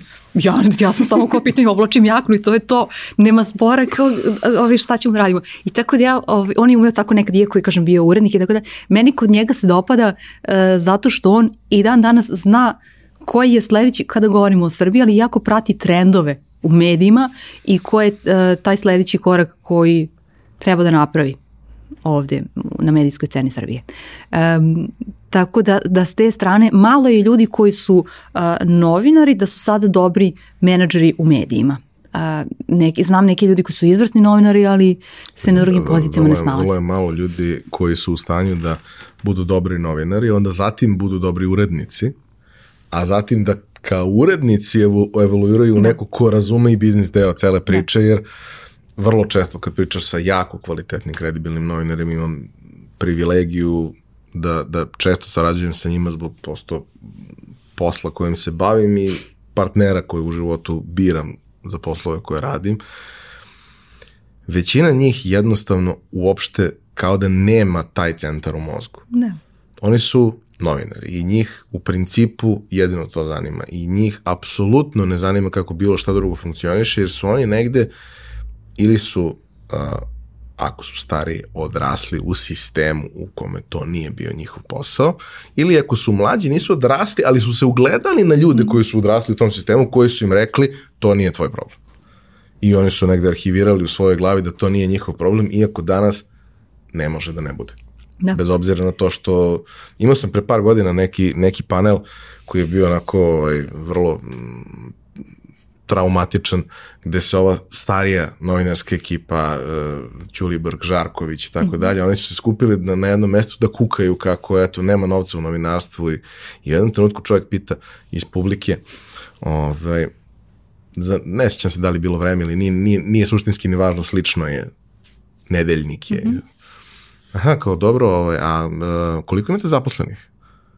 Pa kao 75 imate 75 zaposlenih da napravite nedeljnik od ne, 70 strana.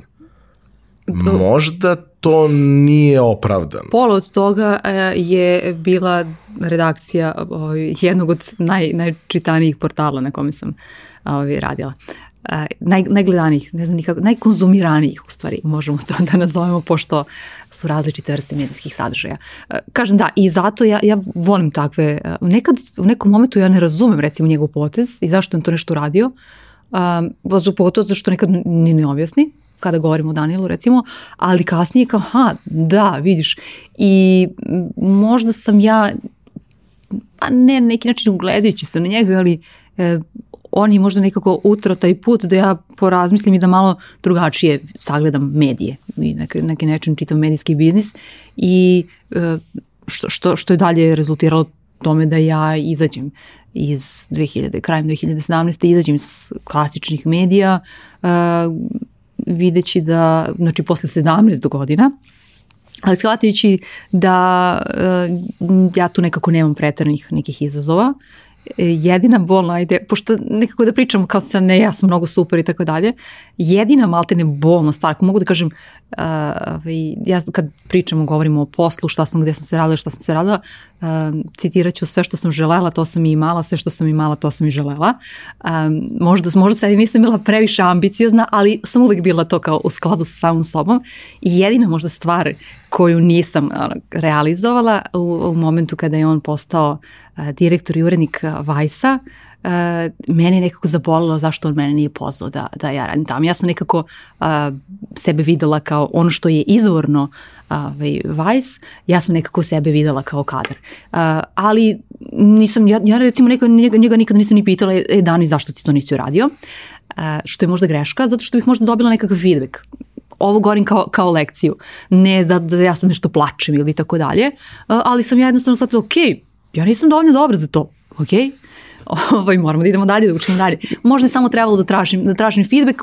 Uh, ja naslučićem da, da to nije pitanje uh, mog kvaliteta, uh, nego da su to neke druge stvari, ali ne, ovaj, kažem, samo možda, možda je trebalo ovaj, da tražim, prošlo je to dosta godina, da tražim feedback zbog svog daljeg ovaj, napredka razvoja. Mislim da nisi donela neke loše odluke nakon toga, tako da mislim da ti je to bio do, dosta dobar životni izbor. Ovaj... Ali u samom startu ono što je on izvorno bio i šta, šta znači u svetu, ovaj, nekada, nekada sam ja sebi vidio u nekim reportažama, ne svim. Vidi, i ja sam sebe vrlo u često vidio i učestvovao u, u onome što, što, što je rađeno negde kao nekakav spoljni saradnik, jer mi je bilo zanimljivo, ovaj, jer kao eto, Dani je drugar, Miloš je jedan od najboljih prijatelja, ajde da probamo zajedno da napravimo nešto, neko treba to da ilustruje, mnogo je lakše da ja odim da to uradim ko razume to sve, kome pritom taj honorar ne znači apsolutno ništa, daj mi mogućnost da doživim to i meni je to E pa onda me da, s te, s te strane razumeš da ja nekada prihvatam neke poslove, ovo ne treba da kažem, onda, onda, me, onda me ljudi neće plaćati ni za šta, ali i ovaj, pri, uh, naprosto volim da učestvujem u nekim pro, uh, uh, poslima zato što i biram ih često po tome, zato što ja znam da ću ja napredovati ili da ću napredovati ili da ću doživjeti. Ne moram nužno da napredujem, ovaj, da ne znam kakav iskorak u karijeri, ću ja kao osoba nešto novo dobiti. A ne samo da će mi se kroz nekih ono super, naravno da, da, ovaj, da treba da bude i taj honorar i da plati kako god, ovaj, ali na, na, na taj način koji ja baš volim što učestvujem u tom projektu ili, ili slično. A, da sam imao tu, tu varijantu recimo sa, sa njim da, ok, s vremena na vreme je Vice imao neke akcije u kojima sam učestvovao gde su me zvali ili on ili Miloš, nebitno. I bilo je toga dosta kroz vreme, bilo je toga sigurno na 15 nekih malo ozbiljnijih intervjua poput onog kultnog sa Markom Pantelićem koji je verovatno verovatno najčitaniji i najprevođeniji članak sa, sa srpskog vajsa ikad, jer to, to, nije, to nije intervju, to je život, to, to je ono serija od 10 epizoda. Ali dobro, ovaj, neću, neću više o tome. A, ali je bilo recimo situacije u kojima a, su se meni otvarale mogućnosti da negde nešto odem radim, putujem, pa mogu da uklopim da odem da uradim još nešto što volim, jer kao putujem u London na sastanak da nešto završim, ali umesto da se vratim za dva dana, mogu se vratim za tri dana, a da treći dan odem da gledam United i da napravim intervju sa nekim ili nešto slično tog tipa. I javilo mi se tako par nekih situacija i svaki put kad bi bila takva situacija imao sam nekoliko prijateljskih portala sa kojima sam imao tu varijantu Um, hoćete vi da me akreditujete ili ako treba, možda, ne, možda i ne treba, najčešće nije ni trebalo da me niko akredituje, uh, da biste vi to objavili ako bi ja to vama dao. I bilo, bilo je svega tu, ali jedan, jedan moment koji nikad neću zaboraviti. Radio sam veliki intervju sa Goranom Ivanišemićem, koji je izašao u štampan, odnosno u online uh, tekstualnom formatu na našem Vajsu i pre nego je britanski Vajs. Pred uh, Wimbledon te godine. Znači, to je kao bio njihov intro za Wimbledon, to što smo radili. E sad, to je pisan intervju. Ja sam sve to isto snimio sa tri kamere. jer kao kad već idemo i kad već imam Gorana ceo dan da sedimo i da pričamo, ovaj, ok, kao hajde da snimimo to, po, ne znam šta ćemo da radimo s tim, nemamo pokrivalice, nemamo nikakve dodatne materijale, ali evo, smislit ćemo da nešto, ovaj, Johnny i ekipa i napravit će nešto i Dani mi kaže kao materijal je jako dobar, ali nemamo da možemo da napravimo neki dug format od toga jer jednostavno nemamo materijal kojim bismo to pokrili, ali mi je super da izvučemo nekoliko segmenta, nekoliko priča i da spojimo to recimo u, ne znam, intervju od dva i po sata, da izvučemo recimo 20-30 minuta nekih kraćih priča. Ja kažem super. Jel, jel kao daješ dozvolu da to sve dajem? Jel imate sve potpisane one rilisove, imamo sve potpisane rilisove, evo izvolite. Dobro. I oni to sve naprave i dogovorimo se i sve bude super. I oni to puste veče kad je bilo finale Lige šampiona u istom terminu kad je finale Lige šampiona. Joj. Znači, taj intervju nije gledao niko, ali ok, taj tekst u kome je ceo razgovor su pročitali pročitao ogroman broj ljudi i to je negde bilo m, vrlo interesantno jer se kasnije provlačilo nekoliko puta kao, kao izvor nekih informacija kada je Goran postao Novakov trener i tako dalje. Uglavnom kao to su bile neke varijante gde ti kažeš ok, ja, ja želim to da uradim. A mogu ja to da objavim kod sebe na blogu ili tako nešto, ali ne. Ajde da ga objavim negde gde je to kredibilno i hajde da ga objavim negde gde konkretno Vice je bio stvarno sjajan za tako nešto jer ti to napraviš, ako je to relevantno, Marko Pantelić je preveden na tipa četiri jezika ili pet jezika. On je imao, bio najčitaniji članak u Holandiji te, te, te nedelje, najčitaniji članak u Grčkoj bio te nedelje. Znači, ok, to je takav mislim, verovatno na kineski da je prevedeno, bilo bi čitano, jer ono, ono ne, može, ne može da se prepriča. Dani koji voli da seče tekstove više nego išta na svetu. Dani koji dobija 19 kucanih strana i kaže, brate, ovo, ovo mora da se skrati, pročita i kaže, ne, ne, ne, ne diramo ništa. Pritom to je, to je, to je trećina onoga što smo mi ispričali tamo. Jer jednostavno postoje stvari koje ne možeš da, da objaviš, jer nisu za, za, za objavu. Ele, da batalimo. Marka Panterića. Ono što, što je meni tu interesantno kroz celu tu tranziciju koja traje, dakle od 2010. do danas, da kažemo 2010. do 2017. kada izlaziš iz, iz klasičnih medija, je taj moment da uh, storytelling se menja, drastično se menja od toga šta je novinarski pristup, pa šta je TV, prilog, reportaža, gde ajde možda, posebno na trećem kanalu, imaš malo više slobode, oni jesu bili genijalni zato što su bili takvi. A kao sad ulaziš u nešto što je potpuno drugačije. Onda se to potpuno drugačije iz godine u godinu, iz meseca u mesec menja, a mm, ako pokušavaš i realno si jedan od prvih koji rade takve stvari, odnosno de facto si prvi na tržištu koji radi tako nešto, ti si u suštini taj koji postavlja trendove. Nemaš baš na koga da se ugledaš, ok, možeš na strance, ali nemaš ti resurse koje oni imaju, nemaš mogućnosti koje oni imaju.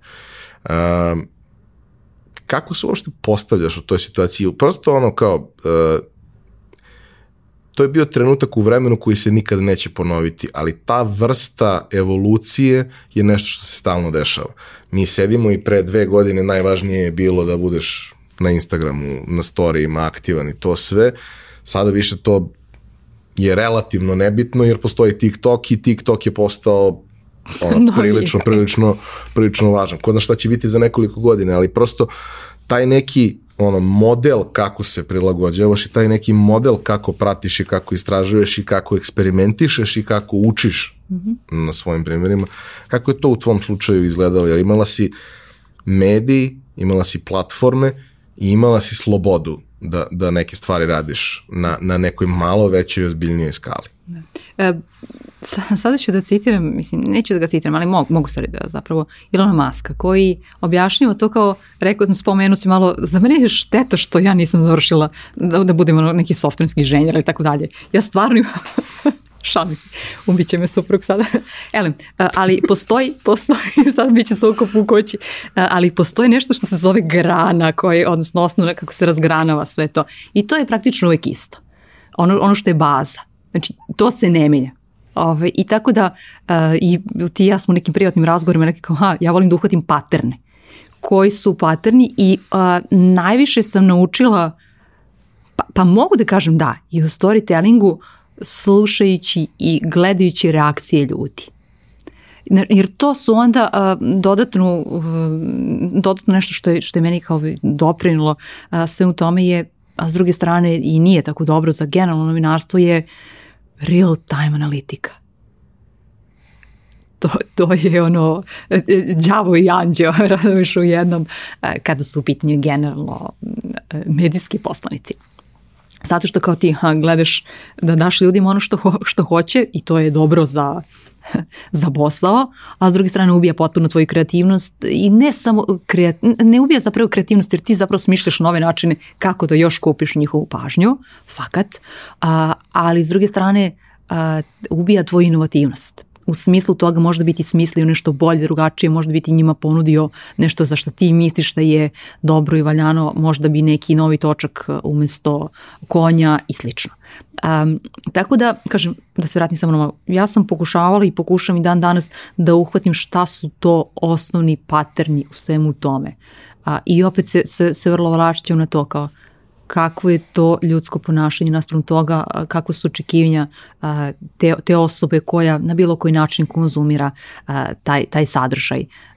Nekada sam, ja sam možda, pa nekada i ponajviše grešila kada sam grešila u smislu efikasnosti toga što u tom trenutku radim, kada sam htjela da budem to kao malo ispred svog, kad sam htjela nekome da ponudim nešto više što je on u tom trenutku spreman da, da prihvati. Uh, mi smo još, ne znam, i 2010. radili uh, live-ove i tako dalje, ozbiljne live-ove kroz, kroz konzole za to i tako dalje, što je bilo vrlo istrpljujuće. Ono, dva sata kad sediš, ti, ti, tebi mozak, ti napišeš, ja sam to jedno napisala, ja sam napisala da je Bojan Janjić back znači kao sigurno znaš kao to e, toliko je tvoj mozak tada ovaj, istrpljen i ostao a to, ovaj, kažem, govorimo 2010. da ništa nije posebno live kao takav bio toliko popularan kakav je u nekom momentu, sada možda, možda i nije toliko, ali slično. Tako da, da, da je vrlo važno ovaj, i tom kao ovaj, menjajući, menjajući oblike ovaj, u tom storytellingu da zapravo gledaš kome, kome se ti to obraćaš i da nastav njega ukoliko ti naravno ovaj rezultat na, na prvom mestu, šta je taj neko spreman da prihvati i na koji način. E, I čini mi se da se ja nekako u tome, da kažem, dobra, da umem, umem to da prepoznam. Jeste me to na neki način menjali su se oblici, jeste me to na neki način dobrim delom naučilo novinarstvo kada smo u početku pretpostavljali šta ljude interesuje, šta ćemo da stavimo na naslovnu stranu, radila sam jeli u dnevno šta ćemo da stavimo na naslovnu stranu, kako ćemo neki tekst da plasiramo ili ostalo, ali ja sam između ostalog uvijek bila ta koja kad je neka dosadna konferencija, um, uvijek pitam neko zabavno pitanje. Mislim, koje će realno zanimati ljude, jer najave i odjeve utakmice su uvijek iste. Ja razumijem i te ljude koji ne znaju šta da ti, mislim, kažu ti jedno te isto, ostavit ćemo srce na terenu, spremili smo takvu i takvu taktiku, nema pa i ja sama da isto ponavljam 50.000 puta isto bih rekla. Ovaj, fakat i, i, ovaj, i onda kao gledam šta, da, da ih drugačije pitam šta bih neko drugi pitao i onda pitam uh, nekog futbolera, aha, koji ćeš ti dres da od futbolera Milana, koga ćeš da juraš na kraju jer realno je da će oni da izgube čak i kad igraju u Beogradu u tom trenutku i kao, ali isto tako je i poznato da će da stane pored nekog igrača i da ga čuva posljednje dva minuta da bi se sa njim zamenio dresa. Budimo realni. Ovaj, da, da ogolimo, mislim, je, je li tako? ovaj, I onda kao, ha, i onda su, recimo, mene neke kolege kao hejtovale, a onda odu u redakciju i napišu to. I ko čekaj, majstore, blam te ovamo da ga pitaš, što ćutiš i ovamo sedniš napišeš to. Ovaj, tako da kažem, ja, ja sam s te strane uvijek gledala da, da ovaj, i gledam i danas da uh, nastavno toga šta ljude interesuje i da zauzmu nekako malo drugačiji um, ugao priče koji mogu da im prenesem. Jedna stvari koja je došlo sa celom tom um, situacijom sa medijima, društvenim mrežama, kao izvorom publike i kao načinom gde se, kao mestom gde se najviše boriš za pažnju, sa svim tim promenama algoritma, uh, smanjivanjem organskog dozega, gomilom uh, uh, trikova kako da prevariš algoritam i ljude, pa onda algoritam sazna, pa onda to moraš da nalaziš nove i tako dalje. Došlo do nečega što u principu, ono, ja bih nazvao prostituisanjem da kažem, u medijima i toga ima mnogo. I toga ima mnogo već 10 godina. Da, ne 10, ali recimo 7-8 ima sigurno. I onda, znaš, vrlo je teško boriti se za nekakvo, nekakav tržišni udeo, nekakav deo kolača na osnovu kvantitativnih parametara koji sa sobom ne nose nikakvu kvalitativnu metriku. Ako je samo pitanje da ti budeš u top 10 po poseti, postoji način kako se to radi, ali taj način nije baš higijenski. I u principu ljudi koji drže do sebe ne žele da budu deo nečega takvog. A, mediji u kome si ti radila, mislim, šta sam, radila si u Mondu. Mondo nikad nije išao na tu stranu, uvijek je držao neku zdravu meru i zdravo odnos i pokušavao na neki pristojan način da se izbori za, za, za pažnju ljudi uh, i dan danas je tako, s tim što danas je Mondo među najčitanijima i oni jesu malo izašli izvan tih nekih okvira onoga što je inicijalno, što je, što je inicijalno bilo. Ali kako je tebi bilo da budeš u toj industriji? Jer kao deo si nečega, ok, više nisi, više nisi novinar u klasičnom smislu, ali jesi deo priče, jesi neko ko prosto i radi sa ljudima u redakciji i zna se sa svim ljudima iz svih redakcija iz celog rada i prati šta se dešava jer moraš da pratiš šta rade i svi ostali, bez obzira što kao posao bi trebalo da ti bude prati šta se dešava, ali ne, ti moraš da, da pratiš i šta rade svi ostali. Kao, kakav je to osjećaj? Odnosno, da li je to razlog zašto si sebi u nekom trenutku rekla, e, ono, ne mogu više. Ne. Ja sam onako baš uh, u tom posljednjih pet godina uh, mog boravka, znači 2012. odnosno ja sam bila tamo od 10. do 17. 7 i po godina ukupno, ali od 12. do, uh, do, uh, do 17. sam praktično imala pa mogu da kažem 360 pogled na, na sve što se dešava. Od toga kada se, kada se ono radi redizajn, nisam ja naravno radi, da se ne razumemo, ali kažem od toga kada se radi redizajn, kada se izbacuje nova aplikacija, kada se uh, pregovara sa potencijalnim klijentom za, za native i tako dalje, kako mu se, kako mu se ponuda šalje, šta je on, kako se uklapa, šta je on to što želi, tako dalje, tako dalje, do stvaranja nekog dodatnog sadržaja ili saradnja, između ostalog spomenuli smo i Dušan i Dušana Marka Žvaku i slično.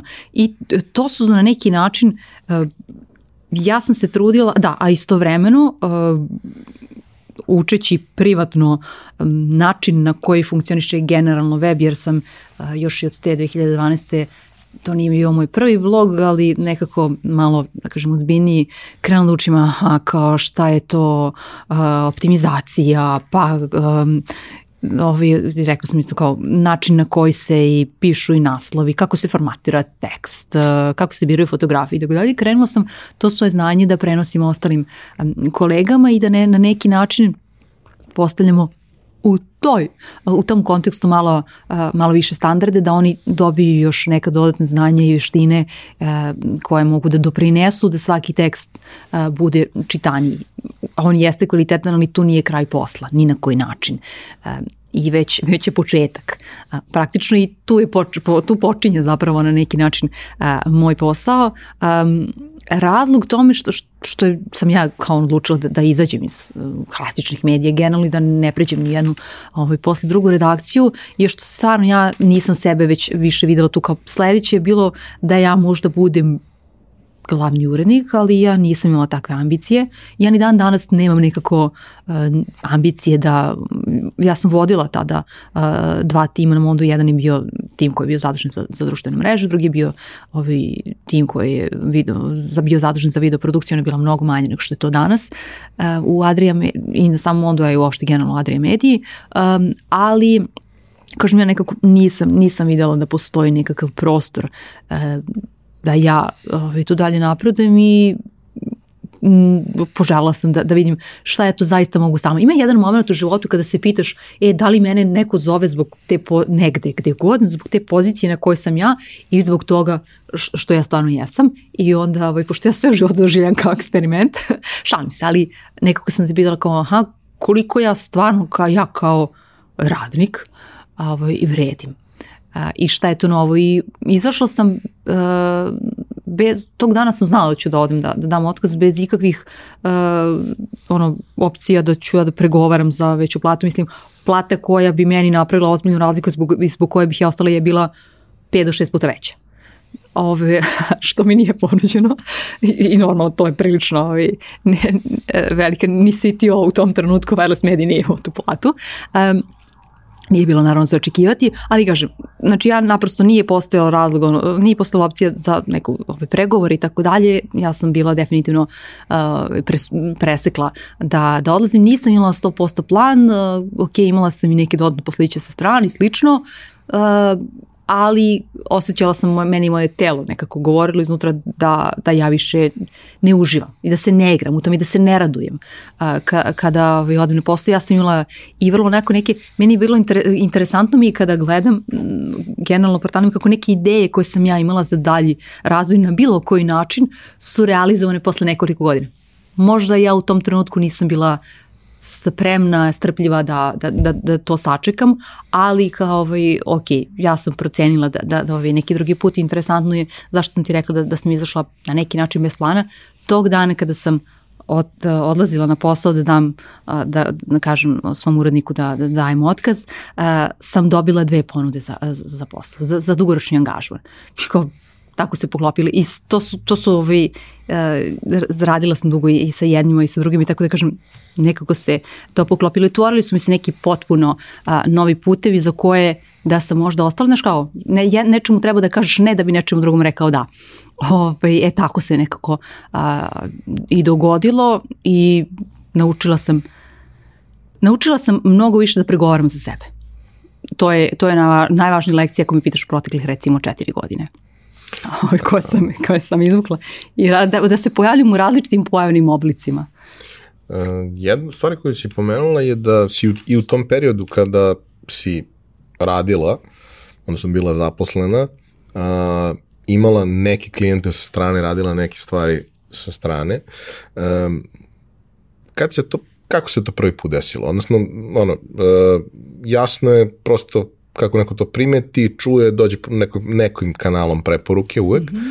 ali prosto ono kao, zašto si ti tome rekla da i zašto si se suštinski opredelila time što ćeš otići e, i izaći iz nečega što ti je bila karijera 17 godina. E, suštinski si se opredelila za to da imaš tu neku s jedne strane slobodu, s druge strane mnogo veću odgovornost, jer ti na kraju dana si ta koja treba da obezbediš sebi sve, a i da učiniš da svi koji su u procesu uključeni budu zadovoljni. Da. Ovaj, ko su ti, ko su ti bili prvi klijenti i kako je do toga došli kako, si, kako se to, ono, kako se Trvić razvijao da. kroz vreme? E, pa ja im, e, prvo ako kada u bilo kom poslu ti moraš da praviš neke kompromise. Pitanje je samo da li ćeš da ga praviš za nekoga ili za sebe. Tako da ja sam u tom trenutku odlučila da je vreme ako pravim bilo kakve kompromis u poslu ovaj, i, ili ne pravim, da, ovaj, da ću ja snositi što je dobro i što je loše, pokupiti kajmak ili pokupiti ovaj, čemer od toga svega. E, tako da došlo je kao što si sam rekao po, po preporuci e, kolege je ti ovo dobro je ajde da uradiš i nama i tako dalje. Na prvom mestu kreiranje sadržaja za, za, za društvene mreže pa sam se onda a, odvažila da napravim a, i, i različite edukacije i tu sad ulazi taj moment a, i gde ja a, krećem da, da edukujem druge ljude što je na neki način meni obaveza da ja još bolje poznajem to što, to što radim i da moram stalno da da ulažem u sebe da učim, to me, to me postaklo na, na to, a s druge strane nekako ono što mi je davalo dodatno možda hrabrost um, u tom momentu da tako istupim je što sam ja pa mogu da kažem nekako već izgradila neko, neko ima, imala sam i znanje i ostalo i uh, znala sam da aha, imaš ono listu kao ako krene po zlu, šta mogu da radim u životu? To, to, to, to, to, to, to i to. Ok. Za koliko mogu da pronađem šta ću od toga da radim? Dobro, toliko. I to ti je ona, ona sigurna mreža nekako. I sad kao sve preko toga, u momentu daš sebi kao nekoliko vremena, aha, dobro, uštedila sam bila malo neku lovu, ovaj, i kao neću da preživeću narednih nekoliko mjeseci ako baš ne bude a, nikakvog posla, a, ali kažem, ovaj, došao je taj, došao je taj posao. A, između ostalog, na konto, na konto tvog ovaj, pitanja, ja imam čak ono, i držala sam nekoliko puta to predavanje kako da postavite to da klijenti zovu vas, a ne vi njih. A, I uglavnom sam nekako a, radila a, stvari uvijek eksperimentišeš na svojim, u ovom slučaju, je li meni to nekako lakše, na svojim kanalima na društvenim medijima a, i postavljaš li teme ili način na koji a, te teme obrađuješ onako kako bi želeo da te neko drugi angažuje. A, I I zaista se ispostavilo da je tako. U, u 90% slučajeva stvarno a, su, a, dola, su prilazili a, klijenti meni kao, e, to što radiš, e, ajde, baš je zdrava, ovaj, ajde sad da radiš a, i za nas. Tako da a, sam se onda na, našla u dobroj poziciji, prvo oni su znali šta dobijaju na neki način, a i onda nekako ne pregovaraš toliko a, za novac.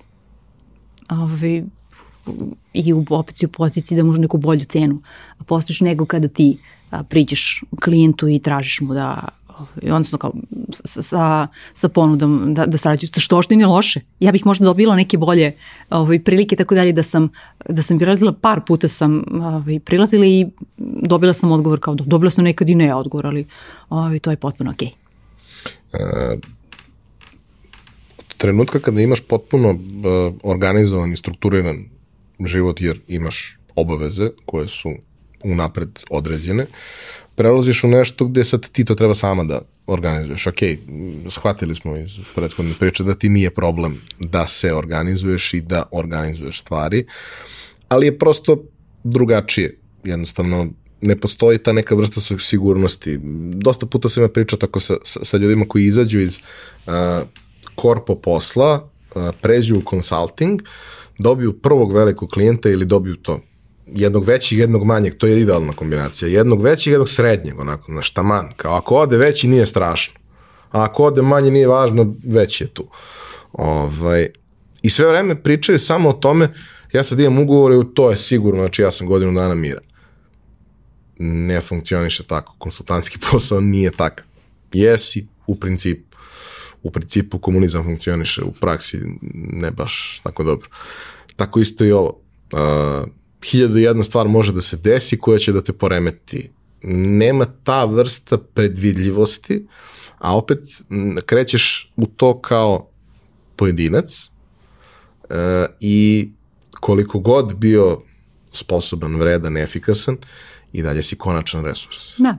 Da. U jedinici vremena možeš da uradiš konačnu količinu posla. Da imaš 10 zanimljivih stvari sad, ti dalje možeš da uradiš samo 3 onih ostalih sedam moraš ili da odbiješ ili da proslediš ili da hajde da vidimo možda dve mogu da se urade kad završim sa ovima, ali u principu pred tobom je niz opet kompromisa i niz nekih stvari koje moraš da organizuješ na potpuno drugačiji način u odnosu na to kako je to bilo u situacijama gde ok, donosiš ti neke odluke, ali neke odluke i neko drugi donosi da. za tebe.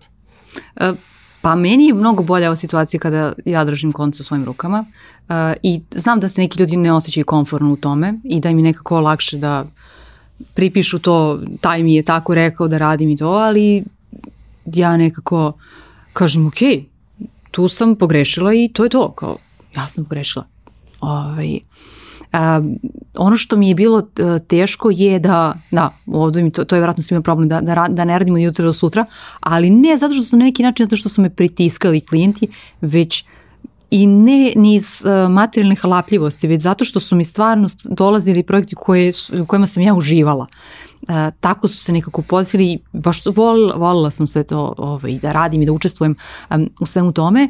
E sad i taj moment, da, kao, uh, da, uh, to je bila isto jedna od vrlo važnih lekcija.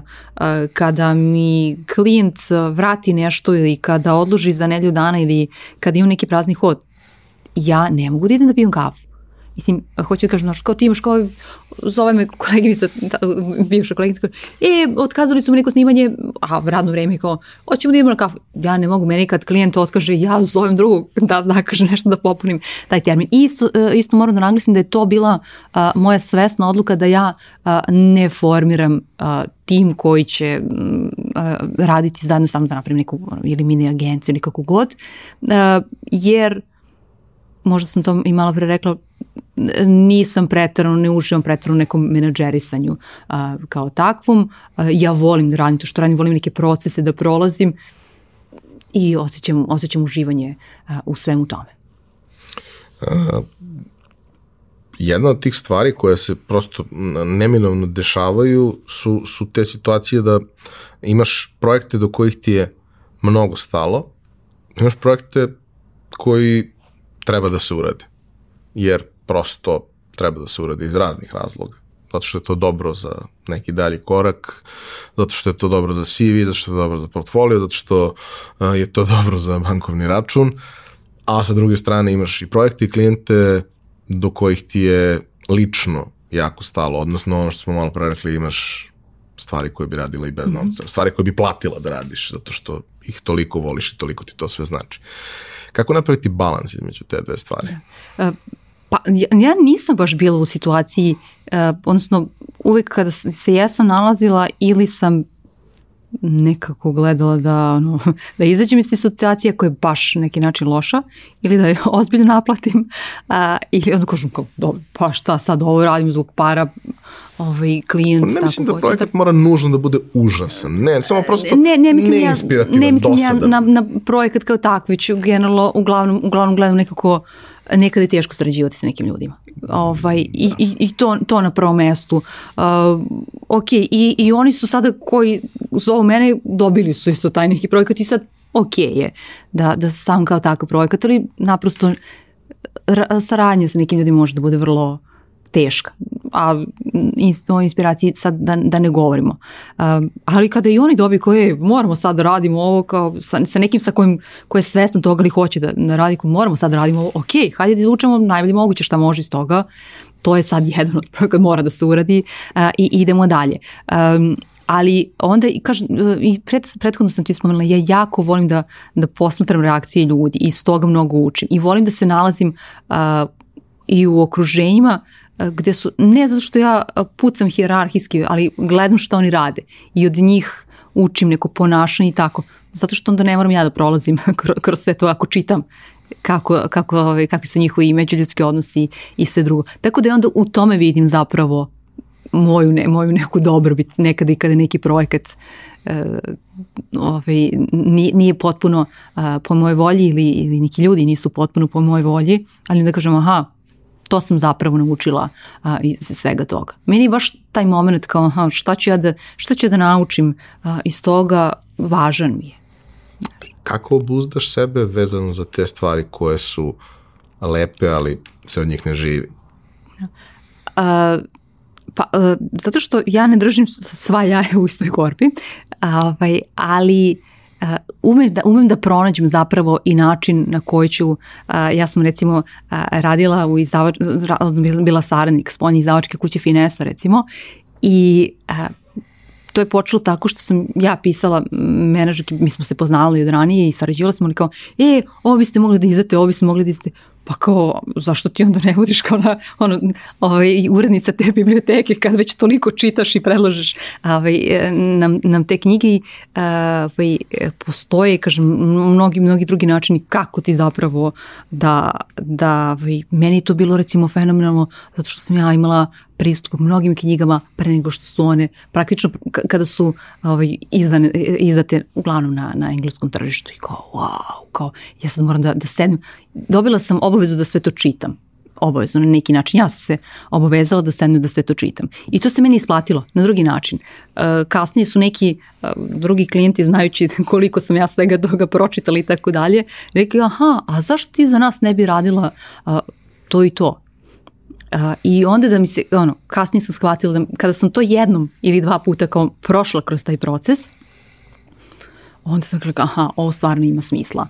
Uh, isplatit će se u nekom momentu, možda neće trenutno, ali to je moj zalog uh, za neku bližu budućnost. Ne ulazim, kažem, u te stvari koje baš ni na koji način ne rezonuju sa mnom. To nema, uh, nije sad pitanje toga da li sam ja ekstremno proroču na to osnovu i tako dalje, ali na intuitivnom nivou naučila sam nekako već ovih 30, skoro 37 leta, ali naučila sam, kažem, da, ovi, da nekada malo onako zapušiš uši i da utišaš te neke spoljne glasove i da slušaš neki svoj glas i kao aha, ovaj, to, to sad treba da, da stisneš petlju i da, da to uradiš ili tako dalje i to će se a, isplatiti u nekom trenutku. A i pitanje toga šta kao, kao kako mi ovaj, merimo uspeh i to sve, to je sve vrlo individualno, ali kada poznaješ šta je tvoje individualno ovaj, merilo toga, onda, onda nema problema, ja mislim. Pomenula si da si relativno davno krenula sa svojim blogom koji je onako prilično bio, kažemo, još u, u, u začecima lepo prepoznat i održavan kroz vreme, ali umeđu vremenu on nije po, piše samo blog, to je neko centralno mesto na kome ljudi mogu da se informišu o tebi, tome šta radiš, mogu da se prijave na tvoj newsletter gde mogu da dobiju razne neke interesantne informacije koje im ti serviraš i razne neke tvoje projekte kao što je sada podcast, a prethodno su bile neki drugi, kroz neke druge pojavne oblike da. se ovaj, uh, ispoljavalo.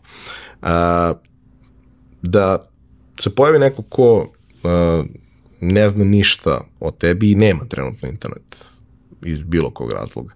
Kako bi mu objasnila čime se ti danas baviš? Odnosno, ne čime se baviš, nego šta je ono što ti danas želiš da radiš?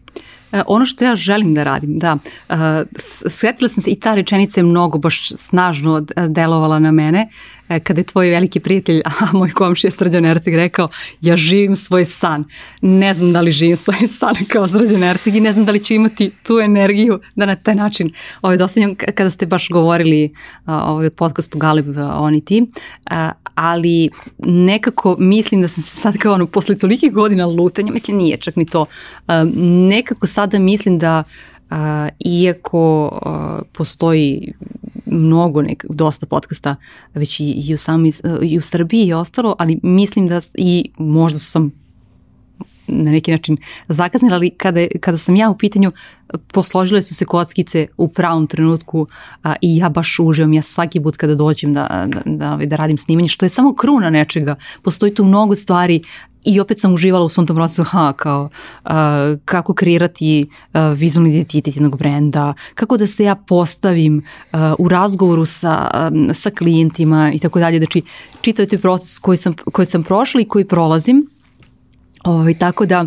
ono što sada radim to naravno nije, nije jedini posao, to je ovaj, projekat iz strasti, mogu da ga nazovem u ovom trenutku, dakle nije, nije, nije ni posao, nego projekat iz strasti, ali sarađujem sa, sa brendovima i pomažem im da oni na bolji način ispričaju svoje istinite i, ovaj, i vredne priče, hajde mogu tako da, ovaj, da, da kažem. I sad tu, tu su različiti oblici. S jedne strane radim kao edukator na prvom mestu, ovaj, podučavam druge ljude o primjenjenom pripovedanju, a, a s druge strane i u nešto, nešto manjem a, obimu sada a, i, i sama a, radim na pa hajde kažem to mi je recimo posebno zanimljivo na nekoliko a, edukativnih uh, newslettera uh, za, za nekoliko uh, većih kompanija i ja volim to da istaknem zato što mi je drago da postoje uh, takve radne organizacije koje brinu da njihovi uh, zaposleni ne, ne, ne budu, ovaj, ne znaju samo ono što, što je njihov kor biznis ili posao, već da, im, da pokušaju da im daju neku širinu. Tako da ja sam uh, specijalista za sve i svašta. BKS vremeno imao najbolji naziv za jednu TV emisiju ikada, to je hrana za glavu. Ove, ja to tako da. Da, ja to ja kažem, sad sam, sad sam napisala gore ovaj, u headu svog newslettera vaša mentalna teretana. Ove, I nekako uvijek pokušam ljude da im ne dam odgovor, već da ih zaintrigiram, da pokušaju da, da razmisle na drugačiji način o nekim pojavama, stvarima ove, ili šta god. E sad, što si ti i dalje opredeljena da budeš individual, znači pojedinac, konsultant, konsultantkinja. Um, ako neko želi da ostvari saradnju sa tom iz ovog svega što, što, što si rekla vidi da vam se gađaju diagnoze, ovaj, šta je to što zapravo može da očekuje od tebe? Odnosno, na koji način bi ta saradnja u idealnom modelu trebalo da izgleda? E, pa može da od mene očekuje drugačiji pogled neki i kažem i, i do sada klijenti to je njihov feedback, to nije a, rečenica koju ja izgovaram pred njima, ali baš a, me angažuju zato što žele neki pogled sa strane. A, I a, istovremeno različite uglove a, sagledavanja a, određene teme. Smatram da, da jeste to na neki način moj glavni kvalitet, odnosno razlika u odnosu a, na neke ljudi koji rade sličan posao. Dobro. Uh, Širina je vrlina. ili kazna, zavisi kako gledaš na to. Mislim, uh, sve ima svoje dobre i loše strane. Ja jako volim kada najedem na osobu koja je ekstremno kvalitetan specijalista u nekoj oblasti. Ne poričem. Uh, ja nisam, ja sam generalista jako, jako, jako široko, uh, što ne znači da u nekim oblastima nisam prilično dobar, jesam, ali prosto mislim da ta sposobnost sagledavanja šire slike je u principu najveća vrednost koju mogu da donesem i sposobnost razumevanja stvari koje su na jako širokom spektru, ono, od tehnologije do uh, sportske psihologije, biznisa, čega god, ono, ukoliko je to mene u nekom trenutku zainteresovalo, a mislim da gotovo da ne postoji stvar koja me nije u nekom trenutku zainteresovala, ja ću naći nešto i mi smo po tome jako slični, da ima veze malo i sa, sa generacijom.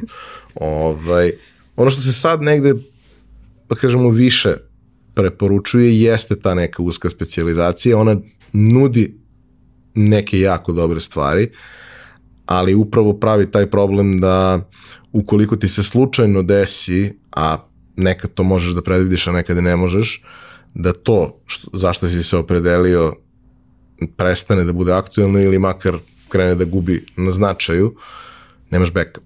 Da, ali recimo, sad ću te ovde samo malo prekinuti, e, pošto ti dosta sarađuješ sa ljudima iz sveta tehnologije i programerima i tako dalje. E, nedavno smo baš razgovarali sa, sa jednim svojim višim kolegom, on je sada u Dublinu u Amazonu radi, onako na prilično dobroj poziciji i slično, koji kaže da oni više ne, ne zapošljavaju te velike ove kompanije među kojima ne zapošljavaju a, programere ili inženjere kako po tome koje programske jezike a, znaju, u kojima su dobri, već po tome na kojim projektima će raditi. I tu sad postoji različita, dakle, ovaj, oni koji žele, žele da napreduju ovaj, i uče konstantno. Tako da, ok, oni jesu programeri, ali nisu više uh, .NET, C++, šta god, Java, kako god, već, aha, radimo uh, na, na tom uh, projektu ili na tom proizvodu, različiti su načini kako mi možemo da stignemo do tog rešenja. I ono što ja neki način ovaj, podržavam po najviše, ne treba svi da budu uh, generalisti, multipotencijalisti, uh, kako god da ih nazovemo, uh, nije, nije, to, nije to uopšte moj kao ovaj, stav. Takvi ljudi treba da se ohrabruju da to bude ako će in, inicijalno jesu, ali ne moraju da budu uopšte svi dragoceni su nam specijalisti, jer je ono što, što jeste na neki način možda glupo reći trend, ali uh, to je taj takozvana te, te, uh, te specija, uh, specijalnost, odnosno da budeš dubinski izuzetno dobar u nečemu, ali da postoji još dosta stvari koje poznaješ. Na kao, ti si izuzetan uh, dizajner, recimo, uh, grafički dizajner, ali postoji još čitav niz uh, drugih znanja ili veština uh, koje posjeduješ, a koji idu u prilog tome da ti budeš uh, jedinstven uh, dizajner kakav jesi. Vrlo često upravo ta neka stvar, tvoja sposobnost uh, da razumeš kontekst koji ti nije blizak je ono što te razlikuje. Jer, uh, znaš, kada sam predavao klincima na, na faksu, imao sam jako veliki problem sa tim što program u tom trenutku kasnije, da kažemo, reorganizovan i mislim da je sad prilično dobar. Nisam ni u toku toliko, ali čini mi se da je to tako, ali u tom trenutku on bio koncipiran tako da od njih napravi uh, vrlo efikasne, dobre mašine koje mogu da rade u agencijama, što znači da će imati dobre plate, da će im biti lepo, da se to, ali što takođe znači da oni u suštini mislim, nisu morali da upisuju fakultet za to. Oni znaju kako se nešto radi, znaju da budu izvršioci, da. oni mogu budu keramičari, to je okej, okay, ali ako ih pitaš, a što mi stavljamo u dnevnu sobu pločice na zid 2 metra, zato što je neko rekao. Mm -hmm. E, ajde da imamo odgovor na ta neka pitanja zašto, jer onda u životu mislim, ako, ako sam sebi ne postavljaš ta pitanja prečesto, vrlo verovatno te manje boli glava i možda imaš i manju glavu. Zavisi. Mene boli glava ono, od kad sam naučila da progovaram, aj moju mamu koja je morala da odgovara na ta pitanja zašto, tako da, a zašto ovako, zašto onako. Ove, ali, uh, ne znam, postoji, uh, žao mi je što ja sam sad isto kao i ti, ok, ti si imao dodira tako na, na taj način na fakultetu, ali premalo stvarno uh, podstičemo ljude da, da misle i da promišljaju i da razmišljaju. Ajde, da li zaista misliš da moramo da ih postičemo, da, da okruženje nije dovoljno stimulativno. Pa mislim, mislim, da, mislim da neki ljudi ne da uh, i kao što sam ti malo pre rekla, meni je ok sa tim da se ja pobrinem da kažem samo za sebe, nekome je ok da mu neko drugi donese posao, uh, nekome je ok da mu neko drugi donese neko mišljenje o nečemu. Naravno da, da mi svi imamo, da kažem, autoritete u određenoj oblasti, ali istovremeno i ti uh, ćeš pitati kada je, bilo, ovaj, kada je bio nedavno recimo referendum advokata Nedeljkovića, ok, ti si u tome ako ti on autoritet, šta ti misliš o tome e, i onda će te on recimo postaći da porazmisliš, ok, možda, ne znači da, da misliš da je on u pravu, ali ovaj porazmisliš, ali ljudi naprosto, a neko, a dobro, on je rekao tako i mi ćemo a, sada da radimo kako god. A, tako da, da, definitivno mislim, a, ovaj, malo, više puta sam se referisala jeli, na grčke filozofe i tako dalje, ali tamo jedan glas nije, odnosno ovaj, glasanje nije značilo jedan čovek, jedan glas. Tako da nekako stvarno mislim da, da treba da, da neke ljude da postičemo da razmišljaju. Ne znači da ćemo to uspeti, ali ovaj, ja nekako to doživljam kao, kao svoju misiju, ok, ja sam pokušala da, da vam predočim nešto, neću vam dati konačno odgovor na neku temu, a do, do tog odgovora i treba da dođete sami, ako želite, a i ok, ako ne želite. Kvalitet, kvalitet tvog života zavisi od kvaliteta tvojih pitanja. Ja bar tako mislim, može da te boli glava, jeste, to je tačno, ovaj, ali ovaj, onda treba, onda, samo, samo onda si u skladu sa, sa samim sobom. Um, ono što bih za sam kraj hteo da te pitam, a, mislim da se vrlo lepo naslanja na sve ovo o čemu smo pričali, to je upravo taj moment Šta da... Šta ćeš da budeš kad porastiš? Ne, već si, već si objasnila, a i, i prestao sam da, da mislim da ćeš u nekom trenutku porasti iznad visine na kojoj si. Ali ono što jeste negde bitno je da, da za ovih 20 godina tvog profesionalnog životnog puta i mog manje više, se sve promenilo. Mnogo više se promenilo nego što se promenilo 50 godina pre toga odnosno stvari su se drastično ubrzale. Ono što se najviše promenilo je činjenica da su sada svima nama, vrlo često i besplatno, a i ako ne besplatno, onda po nekim uslovima koji su prihvatljivi svakome, dostupne stvari, odnosno dostupno znanje koje je bilo nezamislivo pre nekog vremena.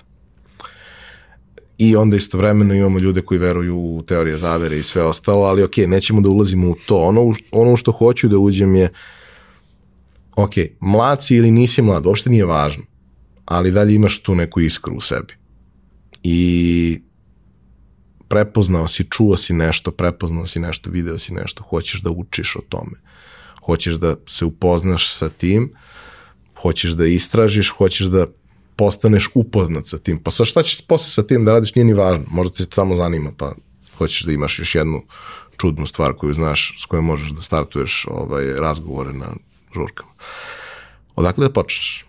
Odnosno, o čemu da vodiš računa. Da. Odakle da počneš prvo, um, sad ću ti dati malo filozofski odgovor i ti ćeš me ovaj, ubiti dole, krećeš da me šuti, krećeš da me šutiraš, šalim se, šalim se. Ne šutiram te. Ovaj, šalim se, um, ali treba da počneš toga šta je, šta je tvoj razlog zašto ćeš ti to da naučiš, iz kog ugla ćeš da pristupiš ovaj, toj, toj temi, jer postoji, čak i da sad mi sednemo da kucamo dinosaurusi, koji god dinosaurus, odvešćeno su potpuno različitom a, pravcu. A, teško je danas naći zapravo kredibilan izvor. Jeste, mi imamo ogromno a, znanje, ali teško je naći kredibilan izvor a, i a, treba da pokušaš da nađeš nekoga, to sam baš i čitajući knjigu jedne od mojih sagovornica uh, u Fusnoti, uh, ovaj, na, u japanskom se to zove sensei, to je mentor, ali koji je tek malo ispred tebe. koji nikako nije predaleko otišao, jer ti kad imaš mnogo znanja u odnosu nekoga, ti zaboravio si koje si sve korake prošao, tako da, da pokušaš da pronađeš nekoga ko će biti tvoj sensei, ali istovremeno i da njega, da ne uzimaš čak ni njega zdravo za gotovo, već da, da dovodiš u pitanje sve to. A, ukoliko, kažem, opet uspeš da pronađeš a, takvu osobu, ali a, e, Google je a, e, bezgraničan, a, što je, što je i, i loša stvar, mada čak, čak nekada ni taj takozvani serendipitarnost koja te odvede u nekom nepoznatom pravcu ne mora da bude a, toliko loša, ali treba uvijek da se, da se vraćaš na to kao ovaj, način razmišljanja, a ako mi pitaš za jednu od mojih knjiga koja je najviše uticala a, na mene, to je Razmišljajte kao Leonardo da Vinci. A, bukvalno a, način, kažem, na koji taj čovjek, kao to, kako, je, kako je rekonstruisano sve to je a, i meni bio potpuno fenomenalno. I kažem, ha, da posle svakog novog istraživanja ovaj, sedneš da se vratiš. Da, da ne bude to samo, mi se mnogo gubimo uh, u tom nekom pasivnom sticanju znanja, a nikada se ne vraćamo, aha, kao zašto je to tako, uh, šta sam ja suštinski iz toga naučio, da postavljamo dodatna pitanja, da mi sami iniciramo zapravo to. Da, i misliš da je deo toga i da challenge ono što si prethodno? A, apsolutno, a, apsolutno jeste tako, jer onda ti kao na sticanju novog znanja kažeš, mislim, mi svi i treba da se menjamo, da ne, menjamo neke svoje stavove. Znaš, ja nekada i kad pogledam nešto što sam pisala pre pet ili pre deset godina, ko, kako sam mogla ovako da razmišljam o ovome? Ali, um, ali treba samo da budeš nači se sa tim da je to najbolje što u tom trenutku znaš, umeš i možda naspram svojih ove, kvaliteta i saznanja. Ja sad sebi kažem, Aleksandra, šta si ovo radila? Ali kažem, to, to ne znači da sam ja bila nekako fake, da to je bilo ono što sam ja u tom trenutku poznala. Sada ja smatram nekako da bih bolje, idu nekako logično da bih ja to bolje uradila. Postoje mnogo tih stvari koje su jako dobar snapshot ovaj, koju, ko može da se vratiš. Jedna od tih stvari je kada imaš blog ili sada kada imaš društvene mreže, kada te ne podsjećaju šta je bilo pre 3 godine, 5 godina, 7 godina. Ili 10, pa si pisao neki gluposti pa obrišeš, dobro. ovaj, ili kada imaš, kada imaš blog da je kao da. uglavnom, da kažemo, sadržajnije se odnosiš o, o nekim temama, sadržajnije se baviš da. svim tim i onda pogledaš ovaj, šta se sve to zapravo promenilo za ovih 5, 7, 10, 15 godina i u načinu na koji ti razmišljaš i u načinu, uh, to je meni recimo bilo fascinantno, u načinu na koji se izražavaš. Znaš kao, nije ošte, ja, ja nemam te momente da naletim na tekst koji sam napisao pre 10 godina i kažem, bože što, bože što, neko što, što fino ovo neko napisao. Ko je ovo napisao? Pa ja napisao. Nemoguće potpuno da, da prosto... Ovo je fini momak. Znaš, potpuno, jer to je nastalo u potpuno drugačijem setu okolnosti. Ništa tu meni nije nepoznato. Ni, nisam ja smanjio svoj vokabular, naprotiv, proširio sam ga pet puta umeđu vremenu. Ali je to tad nastajalo sa nula stresa, u nekom okruženju koje je potpuno bilo, ja sam to pisao što sam voleo, stimulisan, dok sada to vrlo često, iako i dalje verujem da to što izađe bude dobro, radim to na komandu. Da. Biti kreativan na komandu u principu znači biti kreativan u definisanom setu okvira i okolnosti. I, i, i uh, već kažeš, ha, znam da to, to, to radi posao i tako ću da uradim. I to je ono što ti, to što, što sam ti prethodno rekla da je ta real time analitika dodatno ubila ove medije zato što ti kao, ha, znaš šta radi kao što ti kad kažeš, ha, napisat ću tekst, znam šta radi unapred, nemam, neki, nemam neko svoje dodatno razmaštavanje, a imam malo vremena. I onda treba da budem efikasan u toj jedinici vremena i u tim okvirima. Tako da... Ovaj...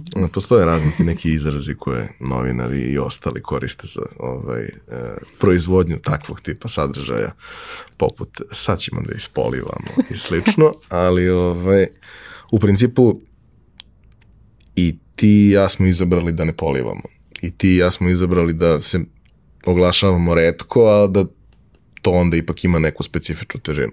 Ok, možda malo češće nego što bi bilo idealno ili nekad ređe nego što bi bilo idealno zbog obaveza i svega ostalog jer je prosto posao takav i uh, nije lako biti uh, sam svoj gazda biti konsultant.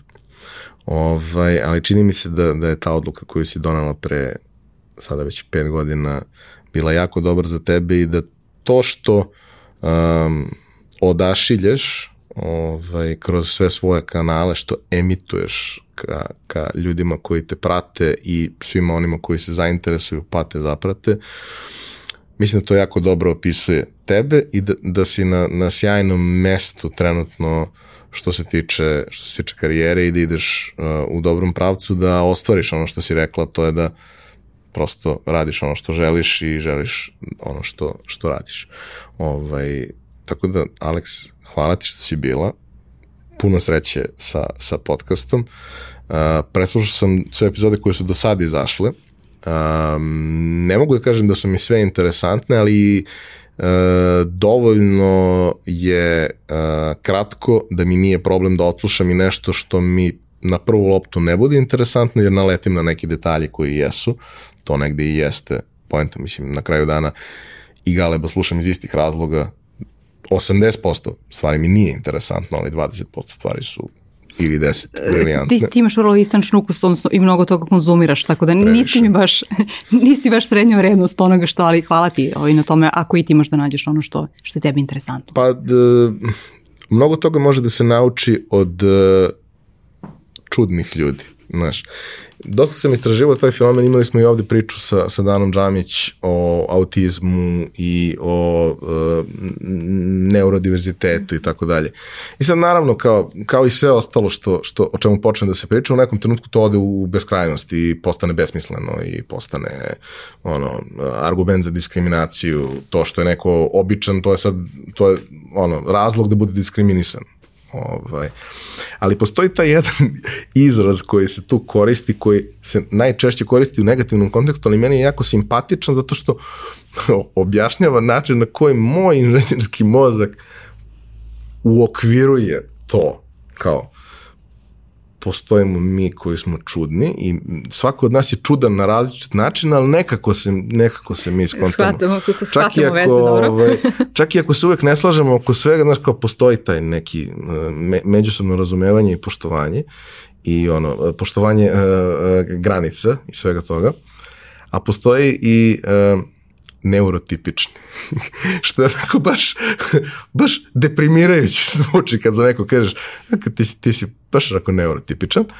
Uh, a nekako u mojoj glavi to su upravo oni ljudi koji jako redko ili gotovo nikad, suštinski nikad, ne challenge ništa što se dešava oko njih, koji, sa, koji su pasivni učesnici sobstvenih života, što jeste jedan od načina i svako ima pravo da svoj život da. živi kako god želi, ali ako nemaš upravo tu kontrolu o kojoj si ti malo prepričala da ti je bilo jako drago kada si punu kontrolu preuzela u svoje ruke i pre toga si imala donekle, ali ono kada si preuzela u punom obimu da je to nešto što ti je cilj, onda ti, dakle, naravno i snosiš punu odgovornost za sve, ali ti si zaslužen za sve ono dobro i za sve ono loše i ako radiš dobro, dobit ćeš nešto zaista dobro. A ovde um, ti se nadaš da će se okolno, odnosno čak se ni ne nadaš, nego biće ti dobro ukoliko se potrefe okolnosti da ti bude dobro. Meni, meni se taj scenarij da. ne sviđa ni malo. Meni, meni mnogo žao zapravo, kažem, leta, ja, ja, ja kažem kao letargičnih ljudi, ali ok, Dana kao nekako stručnjak ima i... Ne, nije, nije, nije, nije, to je da. negde, negde sam uspod pokupio. Ovaj, ali baš, baš mi je žao jer imamo uh, i s jedne strane doko ogromne izazove, svi mi uh, u današnjem svetu, ali s druge strane i toliko uh, ovaj, mogućnosti da, da, da napredujemo i to, to ne znači da napredujemo ka spolje, da napredujemo kao osobe. I to, to je nekako, i zato sam ja izabrala baš i da, da radim taj podcast kako, kako, kako ga radim, uh, iako sam prilično pre, prenapregnuta, to je sad postala ovaj vrlo popularna reč, a, ali dobro opisuje ono što ja imam jako malo svog vremena generalno, uh, zbog privatnih dodatno obaveza i ostalo, uh, ali kao, aha, ovo je moment kada ću ja dati svoj doprinos na ovaj način, kreirajući taj podcast i bacajući svetlo na neke ljude koji su pitali neka, postavljali neka različita pitanja ili tražili života malo više, mogu tako da, da to kažem, da uh, pokrene neki drugi ljude, da za mrvicu samo, ali ne zbog tih drugih ljudi, već zbog samih sebe, ovaj, malo uh, zapitaju se da li ja mogu nešto malo više da uradim i kako ja to da sad pokupim sve te konce da ih ja držim kod sebe. Ono je da zavisim od nekoga ili od nečega. Mislim da se mnogo često postavlja pogrešna pretpostavka, to je da je taj moment uh, borbe za sebe i taj moment postavljanja tih nekih pitanja i taj moment traženja onoga što ti pripada uh, da, to, da je to nešto sa čime se rodiš, da je to nekakav talent ili bilo šta. To ja je, sam prva vrlo hakovala sebe. Ne, to je jako jedna velika neprijatnost sa kojom se izboriš zato što ti je to što tražiš važnije da. od neprijatnosti kroz koju ćeš da prođeš. I to je ono, kada bi nam, kada bi svi ti ljudi koji suštinski možda nisu preterano srećni svojim životom, ali nisu ni dovoljno nesrećni da bi bilo šta promenili. Kada bi došli u poziciju da uh, makar jednom odluče da im malo bude više neprijatno nego što bi voleli, shvatili bi da to vrlo verovatno povlači sa sobom posledicu koja je vrlo prijatna i donosi nekakve dobre stvari i da je to nekakav ciklus kroz koji stalno prolaziš. Stalno prolaziš kroz stvari gde radiš nešto gde nisi siguran u sebe, ne znaš da li si dovoljno dobar, ali ti je važno i znaš da ako ti je važno ti ćeš se potruditi maksimalno i na kraju ćeš napraviti nešto od svega toga. Kao, e, niko nije postao briljantan u nečemu kada je počeo to da radi. Ima ljudi koji su... Čak ni Marija Šarapova. Ima jedna čuvena reklama, pa sam se toga setila, šalim se, ali kao ono, da. Definitivno. Ima ljudi koji su talentovani, ja sam mnogo puta u ovom podcastu rekao da iz ono, mog ovaj, fatalističkog ugla talent prokledstvo. Uh, jer ti talent samo u talent suštini... Talent i lepota, onda ne moraš mnogo no, da se trudiš. No, no, ne bih Tebi sad da kao bez veze, kao muškarac da govoriš tome, ali o, definitivno ovaj, onda ne moraš mnogo da se trudiš u životu. Pa, Dosta toga ti je nekako uh, ponuđeno. Da. Problem sa lepotom je što je prolazno, talent nije. Ovaj, ali, ali problem sa talentom je što ti spušta ulaznu barijeru i što te onda uljuljka i, i učiniti situaciju takvom da uh, ti misliš da se jako lako prolazi ono, da. ko vrelim nože kroz puter. Uh, A, I onda kada konačno naletiš, kad se popneš tih 10 stepenica i sad već počinje da bude teško, ti si u fazonu, a sad je već preteško, a ovaj koji je krenuo stepenik po stepenik je tek se zaleteo. Da. tek se zaleteo i sad će napraviti rezultat koji treba. To je ono, kao, ako možeš talent da uvežeš sa odgovarajućim mindsetom, to je, uh, ono, tako se piše beskonačnost, ovaj, ali to se nažalost dešava jako, jako redko i uh, posebno što mi smo, uh, to je jedan problem, mi smo uh, baždareni, ovaj, mislim da je to ono evolucijska stvar, da smo mi baždareni na način da kada vidimo da smo u nečemu dobri, to ignorišemo i tražimo stvari u kojima nismo toliko dobri da bi se usavršili, jer je to nešto što nam nedostaje i što nam je potrebno da bi bili konkurentni. Pa, uh, ne mislim da, da tako ljudi, da, da svi tako ljudi razmišljaju. Mislim da se uljuljkaju u tome, ja sam dovoljno dobar u ovome i pičim u tome, ali oni koji jesu definitivno okrenuti ka tome da žele nešto više da postignu, da, kao uvek se nekako prokledstvo fokusiraju na to što im ne ide tako dobro. Hvala ti što si bila. Uh, još jednom puno sreće sa podcastom. Pratite, probajte, probajte, probajte. Možda je previše čudno za vas, za mene nije. I meni je okej, okay, ja kažem da to stvarno nije za svakog i ja sam potpuno okej okay sa tim. Ali ja želim na taj način da ostavim ono, poseban trag, ja to tako doživljavam stvarno. Vrlo poseban. Vrlo Hvala poseban. ti na tome. Hvala ti za ovaj vetar u leđa. Hvala vama što ste nas slušali i gledali, kao i do sad, sve komentare, pitanja, sugestije napišite na za to predviđeno mesto na YouTube-u i društvenim mrežama. Sva eventualna pitanja, možda čak i preporuke za, za Alex, za njen podcast ili slobodno preporuke za pojačalo, koga da pozovemo, takođe možete da ostavite u komentarima. Hvala vam što ste nas slušali i gledali, nadam se da vam je bilo zanimljivo, a mi se ponovo čujemo i vidimo naredne nedelje.